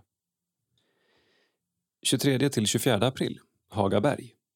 Distriktskonferens med årsmöte EFS Mittsverige. 23 april Sölvesborg. Regional mötesplats och årsmöte för EFS Sydsverige. Och vi ser två bilder. En bild från Instagramkontot Hope for this Nation med ett gäng människor som sjunger och spelar på ett torg.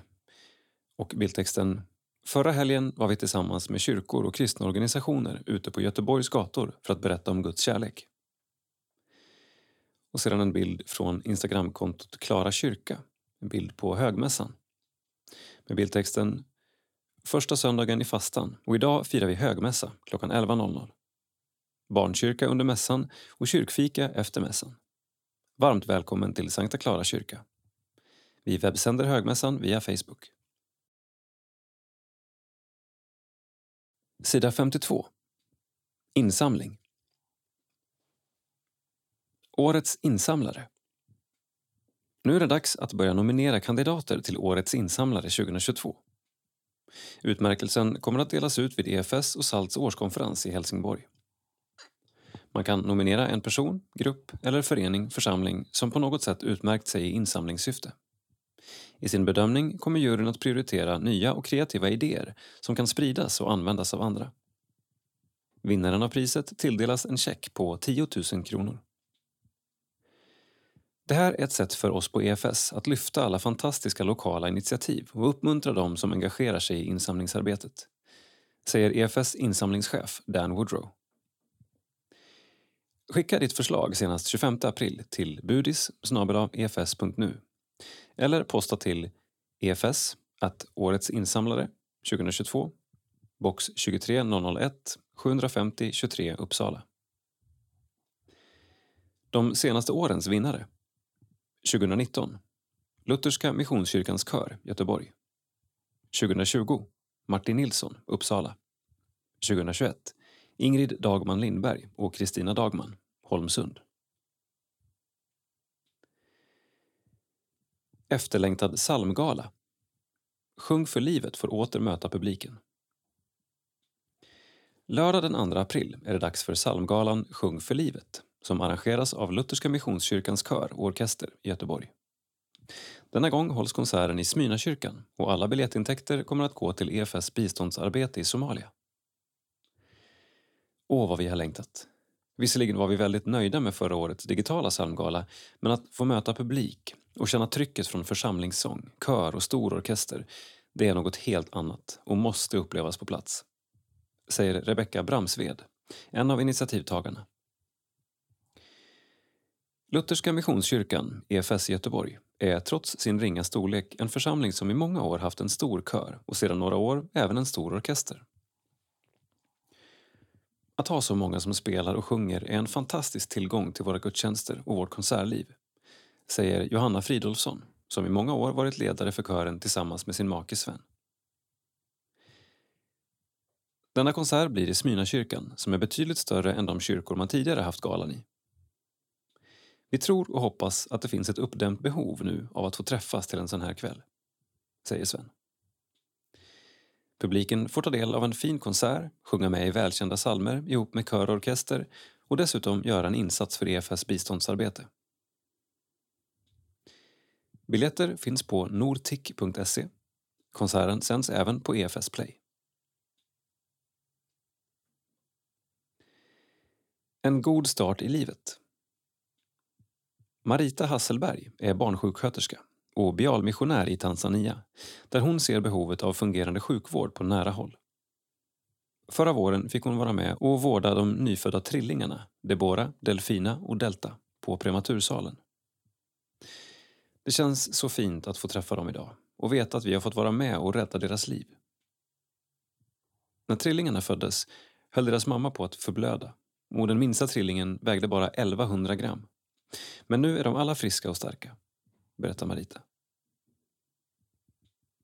Just nu pågår Bials kampanjveckor för fullt och vi är så tacksamma för alla fantastiska insamlingsinitiativ och de gåvor som kommit in för att ge barn i alla länder en god start i livet.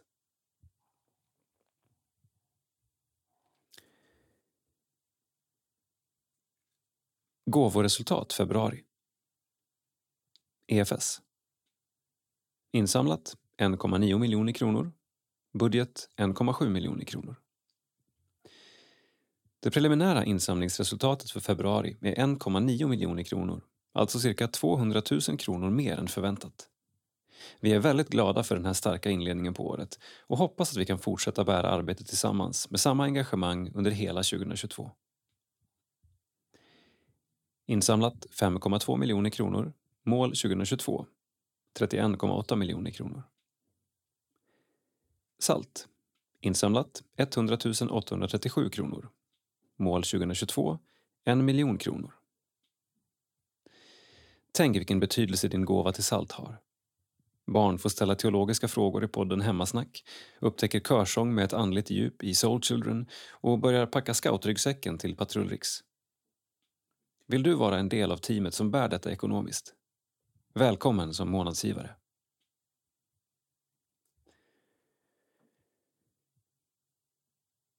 Hyvings hörna. Nu är det deklarationstider. Lite surt konstaterar jag att jag betalar skatt på inkomster som jag sedan skänker bort till EFS. Men det finns faktiskt möjlighet att skänka utan att först betala skatt. Titta här. Sparar du i en fond som har stigit i värde? Skänk då andelar i fonden utan att sälja först, så betalar du ingen reavinstskatt. Ett hus, en tomt eller skogsmark fungerar på samma sätt. Får du aktieutdelning? Skänk då bort rätten till utdelningen i förväg så behöver du inte skatta för inkomsten. Är du egenföretagare med aktiebolag? Fungerar lika bra. Nu undrar du säkert om det inte blir skatt när EFS sedan säljer fonden eller tar emot utdelningen. Men nej, vi är befriade från sådana skatter. Istället för att skicka 30% till staten så kan du alltså ge hela gåvan till EFS. Bra! Roland Hyving, ekonomichef EFS. Sida 54. Info. Årsmöte. Valberedningens förslag inför val till EFS styrelse. Fyra personer i nuvarande styrelse står i tur att avgå, varav tre ställer upp för omval. Det är fyra platser som ska fyllas och här presenterar EFS valberedning förslag på styrelsekandidater till årsmötet 27-28 maj 2022. Vi bad kandidaterna presentera sig kort och ställde följande frågor. 1. Vad har du för bakgrund och erfarenhet? 2. Vilken är den viktigaste frågan för EFS de närmaste åren, enligt dig? 3. Vad tror du att ditt främsta bidrag till EFS kan bli, utifrån din kunskap och erfarenhet? Marie Larsson, Stockholm. 1. Jag har suttit i EFS styrelse en mandatperiod och ställer nu upp för en till eftersom det vore väldigt kul att få fortsätta i det arbetet. Jag jobbar för närvarande med rekrytering och är ordförande i EFS personalnämnd. 2. Den allra viktigaste frågan tror jag faktiskt är att EFS fortsätter att bli ännu mer en rörelse som lyssnar efter Guds röst och agerar på det han kallar oss in i som rörelse. Jag tror att det bland annat innebär att bli ännu mer en rörelse för alla generationer, även den yngre. 3. Förutom mina tre år i styrelsen så hoppas och tror jag att jag kan bidra med ett perspektiv för människor som är 40 och yngre och förhoppningsvis en lyhördhet för vad som ligger på Guds hjärta. Elna Bolin, Undersåker 1. Mitt liv började i Indien som barn till EFS missionärer. Reste till Tanzania som 20-åring, nygift med en EFS-missionär. Tog hand om svenska barn, sedan engelska lärare. Nu lärare på EFS folkhögskola, Jämtland. Aktiv i EFS missionsförening Undersåker. 2. Fortsätta det goda arbetet, mission, evangelisation där vi står, över generationsgränser, landsgränser och dit Gud leder oss, i bön. Guds kärlek gäller alla. 3. Mina erfarenheter från olika kulturer, möten med människor. Folkhögskolans roll inom EFS. Per Moen, Nysätra. 1. Mitt EFS-engagemang har främst bestått i musik och ledaruppgifter. Jag är ordförande i Nysätra EFS, ledamot i EFS Västerbottens distriktsstyrelse sedan ett år och i EFS riksstyrelse sedan tre år. 2. Att ha inspirerande gudstjänster och smågrupper för vår egen uppbyggnad och som vi kan bjuda in människor till. Att verka utåtriktat så att vi som kristna umgås med och möter människor där de är. 3. Jag är trygg i min kristna tro, har ett brett umgänge både inom och utom kyrkans krets. Har erfarenheter både av mindre och större sammanhang. Jag har under årens lopp samlat erfarenheter av ledarskap och styrelsearbete samt av medskapande utvecklingsarbete. Lillemor Persson, Örkelljunga 1. Bor i Örkelljunga. Har tidigare arbetat som lärare och längre tillbaka varit missionär i Tanzania. Har många års erfarenhet i EFS styrelse. Mitt lokala engagemang har jag i EFS-kyrkan i Örkelljunga som bland annat lovsångsledare och ledare för Alfa. Jag är även engagerad i bönegruppen Be digitalt med EFS på söndagskvällarna på nätet. 2. Att vi blir fler. Att vi tillsammans med SALT ska växa och att vi får se människor och samhällen förvandlade av Jesus. Att vårt missions-DNA att vi är en missionsrörelse får ännu större genomslagskraft både nationellt och internationellt. 3. Att jag har erfarenhet av EFS internationella arbete samt min erfarenhet av att sitta i EFS styrelse. Mitt engagemang i bön fortsätter. Anmäl ombud Årsmötet 2022 genomförs som ett hybridmöte där delar av dagordningen behandlas textbaserat via Votit medan andra delar behandlas genom live-diskussion. Votit öppnar för diskussion samt föredragningar cirka två veckor innan årsmötet. Ombudsregistrering utförs via länk som skickas till respektive ordförande. Mer information kommer via utskick till ordföranden. Ombudshandlingar finns tillgängliga för nedladdning eller utskrift på efs.nu arsmote arsmoteshandlingar från och med 29 april. Ytterligare nominering. Nomineringar utöver valberedningens förslag måste ske senast tisdag 17 maj via Rebecca Kada, rebecca.kada efs.nu. Kriterier för vem som är valbar till EFS styrelse finns på efs.nu arsmote under årsmöteshandlingarna. Presentation av styrelsekandidater kommer att finnas tillsammans med övriga årsmöteshandlingar på efs.nu arsmote arsmoteshandlingar. Motion till årsmötet 2022. Antal styrelsekandidater i valberedningens förslag. För att valberedningen ska kunna ta hänsyn till de faktorer som ska beaktas enligt PM för valberedningen så är det viktigt att förslaget innehåller samma antal kandidater som antal lediga platser. Om det som nuvarande PM förskriver ska finnas fler kandidater än valbara platser så är det omöjligt att säga att valberedningens förslag på ett bra sätt tillgodoser PMet. Där förordas jämn fördelning vad gäller geografi, kön och ålder samt att man speciellt beaktar kompetensbehov och kontinuitet i styrelsen. Någon eller några kandidater kommer ju inte att bli invalda. Dessutom är det mycket otillfredsställande att både tillfråga och föreslå kandidater med premissen att det ska finnas fler kandidater än platser. Både valberedningen och kandidaterna vet då med säkerhet att åtminstone en föreslagen inte kommer att väljas, trots att det är valberedningens förslag. Att styrelsevalet blir mer intressant om det finns flera kandidater än platser är väl förvisso sant. Men den önskan om intresse och spänning måste hanteras på ett annat sätt. Det är dessutom fritt fram att föreslå kandidater utanför valberedningens kandidater om man inte är nöjd med dem. Därför föreslås att valberedningens PM gällande styrelsekandidater ses över och ändras så att valberedningens förslag ska överensstämma med antal valbara styrelseplatser. 24 november 2021 Anna-Karin Westman Kärnlund, Margareta Nordlund, Martin Fjellman, Hans Nordin, Anders Nordin och Per-Olof Nordin. Styrelsens svar kommer läggas upp på efs.nu.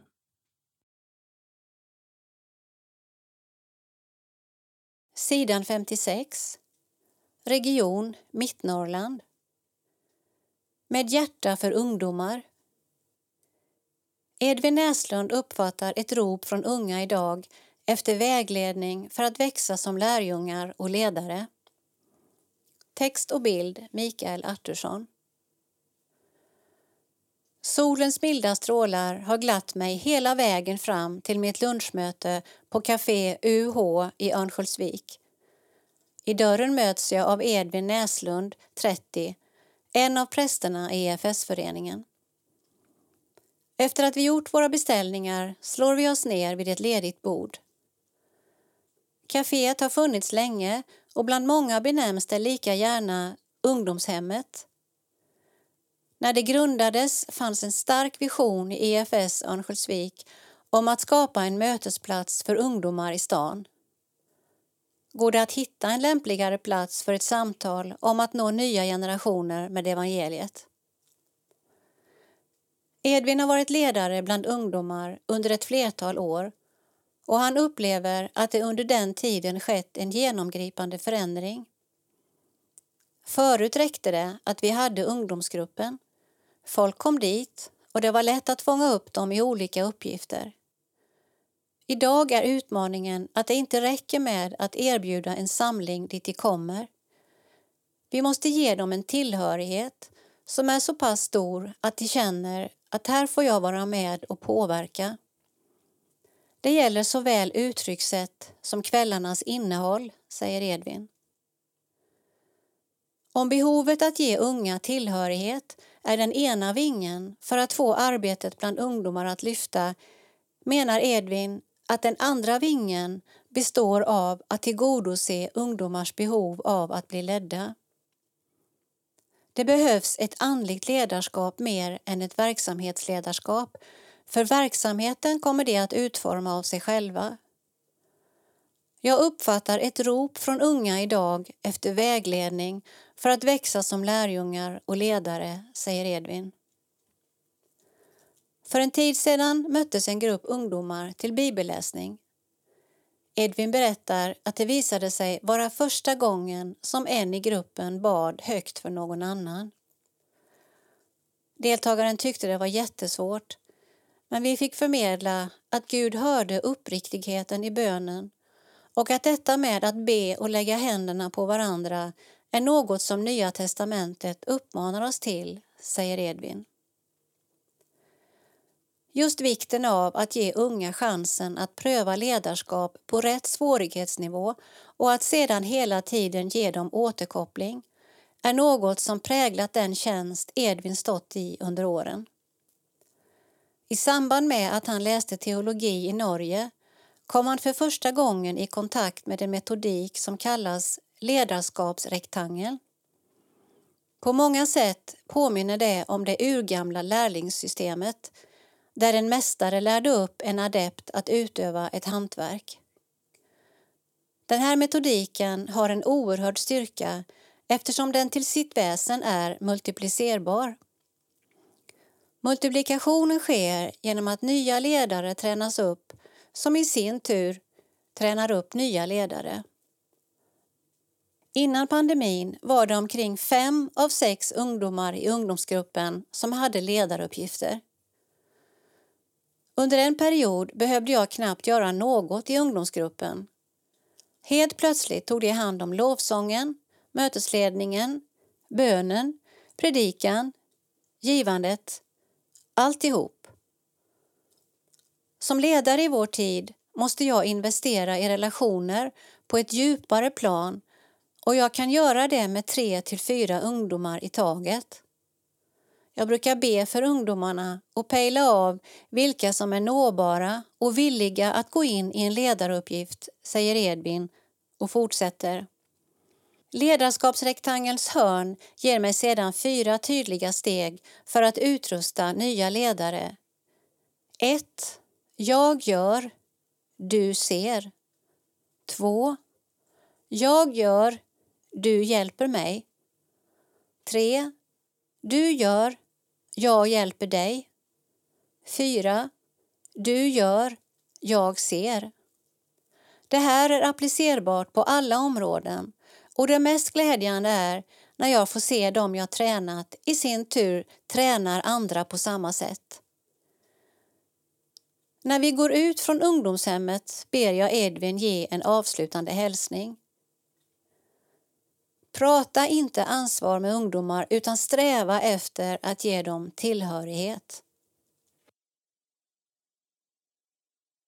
Region Västsverige inspirerar, utrustar och utmanar.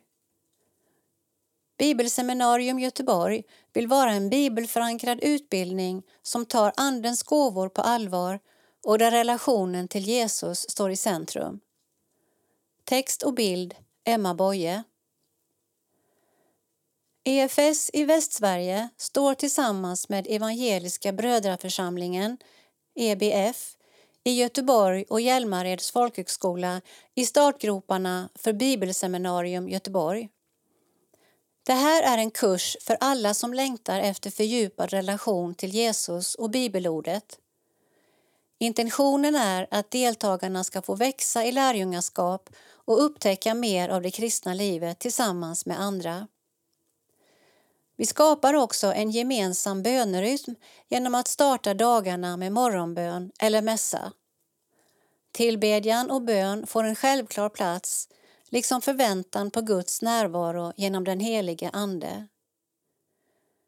Denna kurs vill så in en medvetenhet om Guds närvaro i vardagen genom hela livet samt att den naturliga konsekvensen av det är mission. Upplägget är studiemedelsberättigande helfartsstudier tillsammans med praktiska moment. Allmänheten bjuds också in att delta i öppna föreläsningar dagtid, inspirationskvällar samt temaveckor. Bibelseminarium Göteborg har sin bas i EBFs lokaler på Kungsgatan 45, granne med domkyrkan och mitt i Göteborgs centrum. EBF härstammar direkt ur den hernhutiska väckelsen som haft en viktig del i C.O. Rosenius trosliv och har en tydlig historisk koppling till EFS. Båda organisationerna ser sig som missionsrörelser genom att verka inom Svenska kyrkan, mellan samfundsgränser och i den världsvida missionen. Tillsammans med Hjälmared folkhögskola, som varit en viktig del av EFS mission i Västsverige sedan 50-talet, får kursen också en stabil förankring i det ständigt aktuella uppdraget att forma lärjungar. Förhoppningen är också att bibelseminarier ska kunna möta de lokala församlingarnas behov där det finns en hunger och längtan efter att få gå på djupet med Bibeln och låta relationen till Gud finnas med i livets alla områden.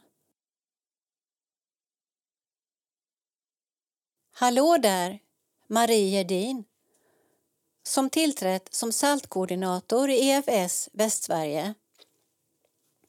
Hur känns det? Jättebra.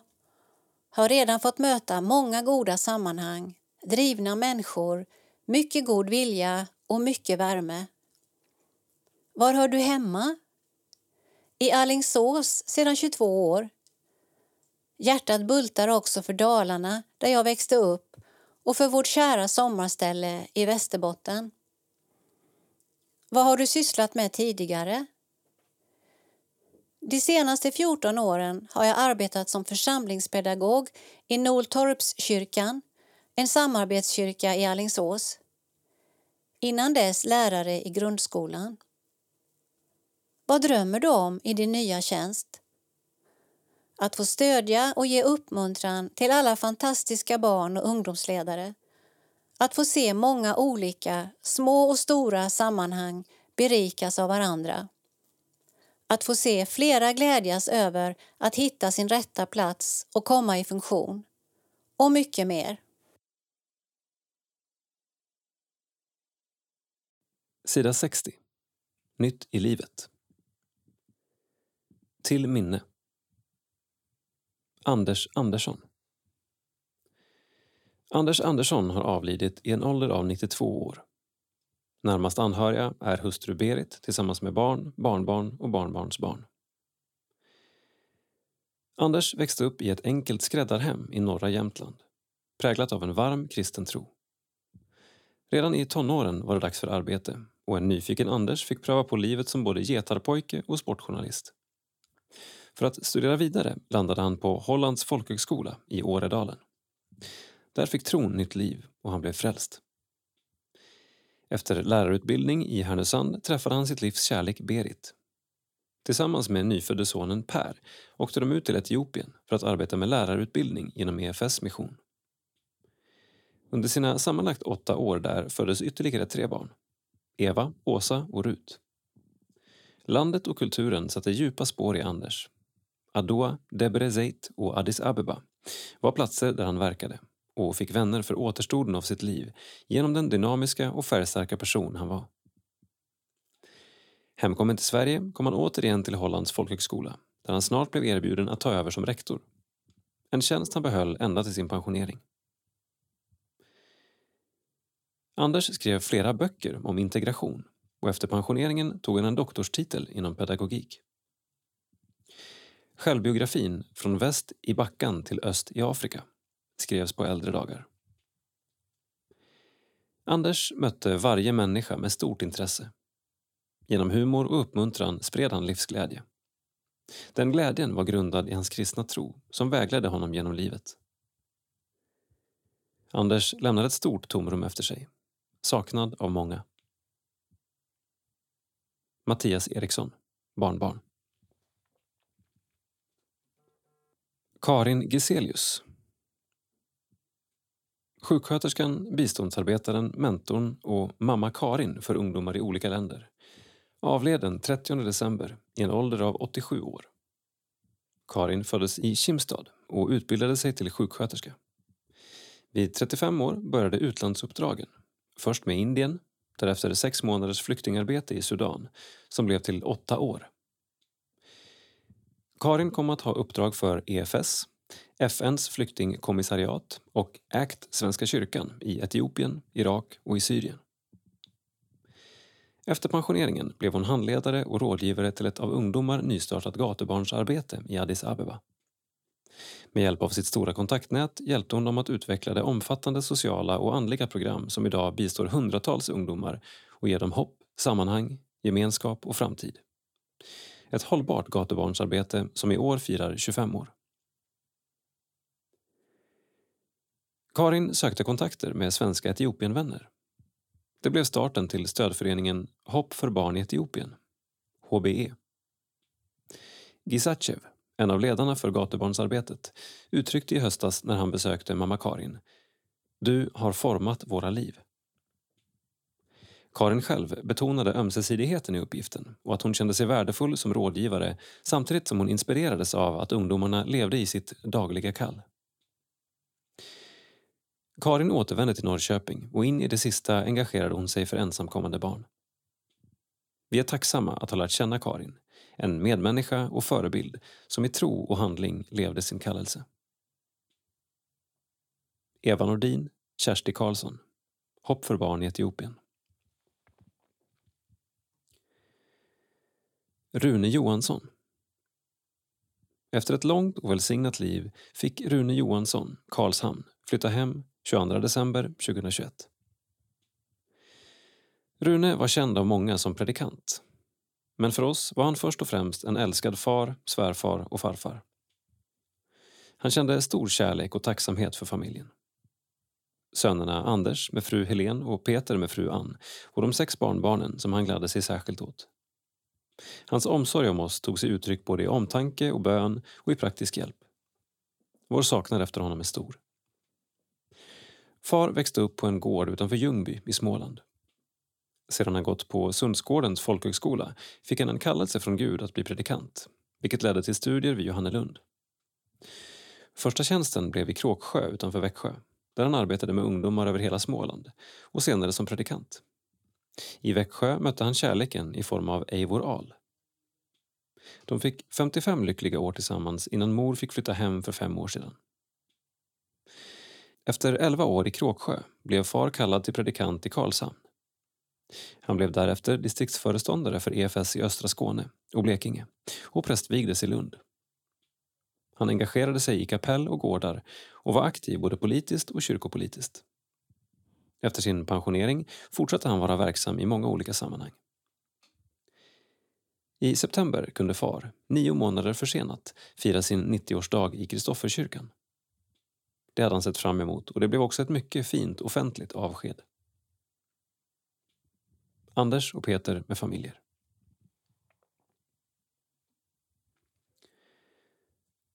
Torgny Karlsson Torgny Karlsson har lämnat det jordeliv han älskade och lämnat ett stort tomrum efter sig hos familj, släkt, vänner och kollegor. Att bondpojken Torgny från Östergötland skulle bli präst var inte självklart. Men han bar på en kallelse att gå in i ett annat skördarbete och de grova fingrarna kunde också hantera stråken och fiolen. Hans första tjänst var i Betlehemskyrkan, Stockholm. Vid den här tiden föddes också sonen Lennart. Torgny bytte sedan tjänst till konsulent för EFS Mälardalen och var med och startade flera samarbetskyrkor mellan Svenska kyrkan och EFS. Han jobbade också med jourhavande präst där han var verksam fram till bara för något år sedan. Hur många nätter han tagit emot samtal i telefonen från anonyma, förtvivlade människor genom åren går inte att räkna. På 80-talet läste Torgny in teologiska poäng för att kunna prästvigas. Han och frun Kicki från Skellefteå flyttade 1979 till Örebro för att utifrån den lilla EFS-föreningen starta en samarbetskyrka i Sörbyområdet. I Örebro föddes också döttrarna Elin och Hanna. Familjen flyttade sedan till Skellefteå 1989 och Torgny var då med och startade samarbetskyrkan på Sörböle. För våra barn blev Torgny något av den farfar eller morfar som de aldrig hunnit uppleva. Han tog med dem ut i älgjakten och skjutsade till hockeyträningar när det behövdes. Vi är många som sörjer Torgny. Men vi känner samtidigt en stor glädje över att ha fått dela en vägsträcka med honom på livets väg och ser fram emot ett återseende. Då står Torgny med i den himmelska kören med fiolen under hakan tillsammans med vänner från hela världen som han mött under sitt 86-åriga liv. Kompet spelar och kören sjunger lovsång till Jesus som är världens och Torgnys frälsare. Lars Martin Lund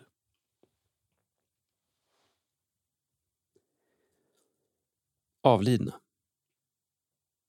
Vår älskade Rune Johansson född 4 januari 1931 har idag före oss flyttat till vårt himmelska hem. Tack för allt du var. Karlshamn 22 december 2021 Anders och Helen Gabriella, Daniel, Hanna Peter och Ann Isak, Marcus, Joel Syskon Släkt och många vänner Det enda som bär när allting annat vacklar det är Guds nåd och Guds barmhärtighet. När dagarna för hans tjänstgöring var slut begav han sig hem. Lukas 1.23 Begravningsgudstjänsten har ägt rum den 21 januari i Carl Gustafs kyrka. Tänk gärna på EFS mission, Bankiro 900-9903. Vår älskade Torgny Karlsson född Läckersbo 11 januari 1936, har lämnat oss i stor sorg och saknad. Göteborg 30 januari 2022. Kiki, Lennart, Elin, Hanna och Per, Gustav, Klara. Sorgen, saknaden och alla ljusa minnen delar vi med släkt och vänner. Herren är min herde, mig skall intet fattas. Han låter mig vila på gröna ängar. Han för mig till vatten där jag finner ro. Psaltaren 23, vers 1-2. Begravningen har ägt rum fredagen den 4 mars i Lutherska Missionskyrkan i Göteborg. Tänk gärna på EFS internationella arbete. Bankgiro 900 9903. Vår kära Ella Alheim har lämnat oss född 4 mars 1930, avliden 10 februari 2022. Kerstin och Göran, Peter och Maria, Karin och Henrik, Katarina och Mats. Barnbarnen, syskonen, släkt och vänner. Herren är min herde, ingenting ska fattas mig. Han för mig i vall på gröna ängar, han låter mig vila vid lugna vatten. Begravningsgudstjänsten har ägt rum den 2 mars i Betlehemskyrkan. Tänk på EFS mission, bankgiro 900 9903 eller Stadsmissionen, bankgiro 900 3518. Sida 66. Salt. Krönika. Herren kallar oss att bära budskapet vidare till dem vi möter skriver Mikael Rastas. Världens rop efter Jesus. Jag tittar på filmen Don't look up med min hustru. Det är en spännande film med många intressanta karaktärer, medryckande handling och skickliga skådespelare. En ung forskare och hennes mentor upptäcker en meteorit som är på väg att kollidera med och tillintetgöra jorden. Plotten genom filmen är centrerad kring huruvida de två forskarna kommer att få världen att förstå att det är allvar. Eller om mänskligheten kommer att köpa etablissemangets bild av att det inte är någon fara. Kommer jorden gå under eller inte? Parallellen till klimatkrisen är övertydliga och filmen är uppenbart tänkt som en allegori för densamma. Budskapet är i grunden tydligt. Vi kommer alla att dö. Mer eller mindre snart om vi inte inser allvaret och gör något åt saken. Denna krönika är inte platsen för en diskussion om klimatet och miljön men Don't look up sätter fingret på något verkligt. Vi kan inte värja oss mot döden och med det följer lätt en ångest som drabbar oss när döden knackar på dörren. I bästa fall är jag fylld av en längtan att få sprida evangeliet. Möjligen är jag bara prästskadad, men jag ser i Don't look up en illustration av hur mycket vår värld egentligen ropar efter Jesus. Såväl det filmen säger om den mänskliga viljan att leva som den oro många känner över klimatet vittnar om något annat. Nämligen att varje människa har ett andligt och själsligt behov av något mer. Inte bara ett behov av liv, utan ett behov av mening. Likt hunger går att mätta och törst går att stilla så går även detta behov att tillfredsställa. Problemet är att vi människor väldigt ofta försöker fylla det med andra saker än Jesus. Jag behöver inte gå längre än till mitt eget liv den senaste veckan för att se det. Detta faktum till trots kallar Herren mig att bära budskapet vidare till människor jag möter. Men det börjar med att jag själv får mitt eget behov av kärlek, frid, glädje och mening tillfredsställt av Jesus. Livet självt finns hos Jesus. Döden, ångesten, lidandet eller en pandemi får inte sista ordet. Kanske kan det upplevas som en klyscha av någon, men det är en av de grundläggande sanningarna som vi ständigt måste återkomma till. Till den förkrossade Marta, som just förlorat sin bror, säger Jesus Jag är uppståndelsen och livet. Den som tror på mig ska leva om han än dör. Det är ett ord att lita på och ett evangelium värt att leva för. När detta är vår drivkraft kan vi frimodigt bära budskapet vidare. Så kan vi få se både människor och samhällen förvandlade av Jesus. Mikael Rastas, präst och föreståndare för EFS-kapellet Lund. Tack för att du har lyssnat.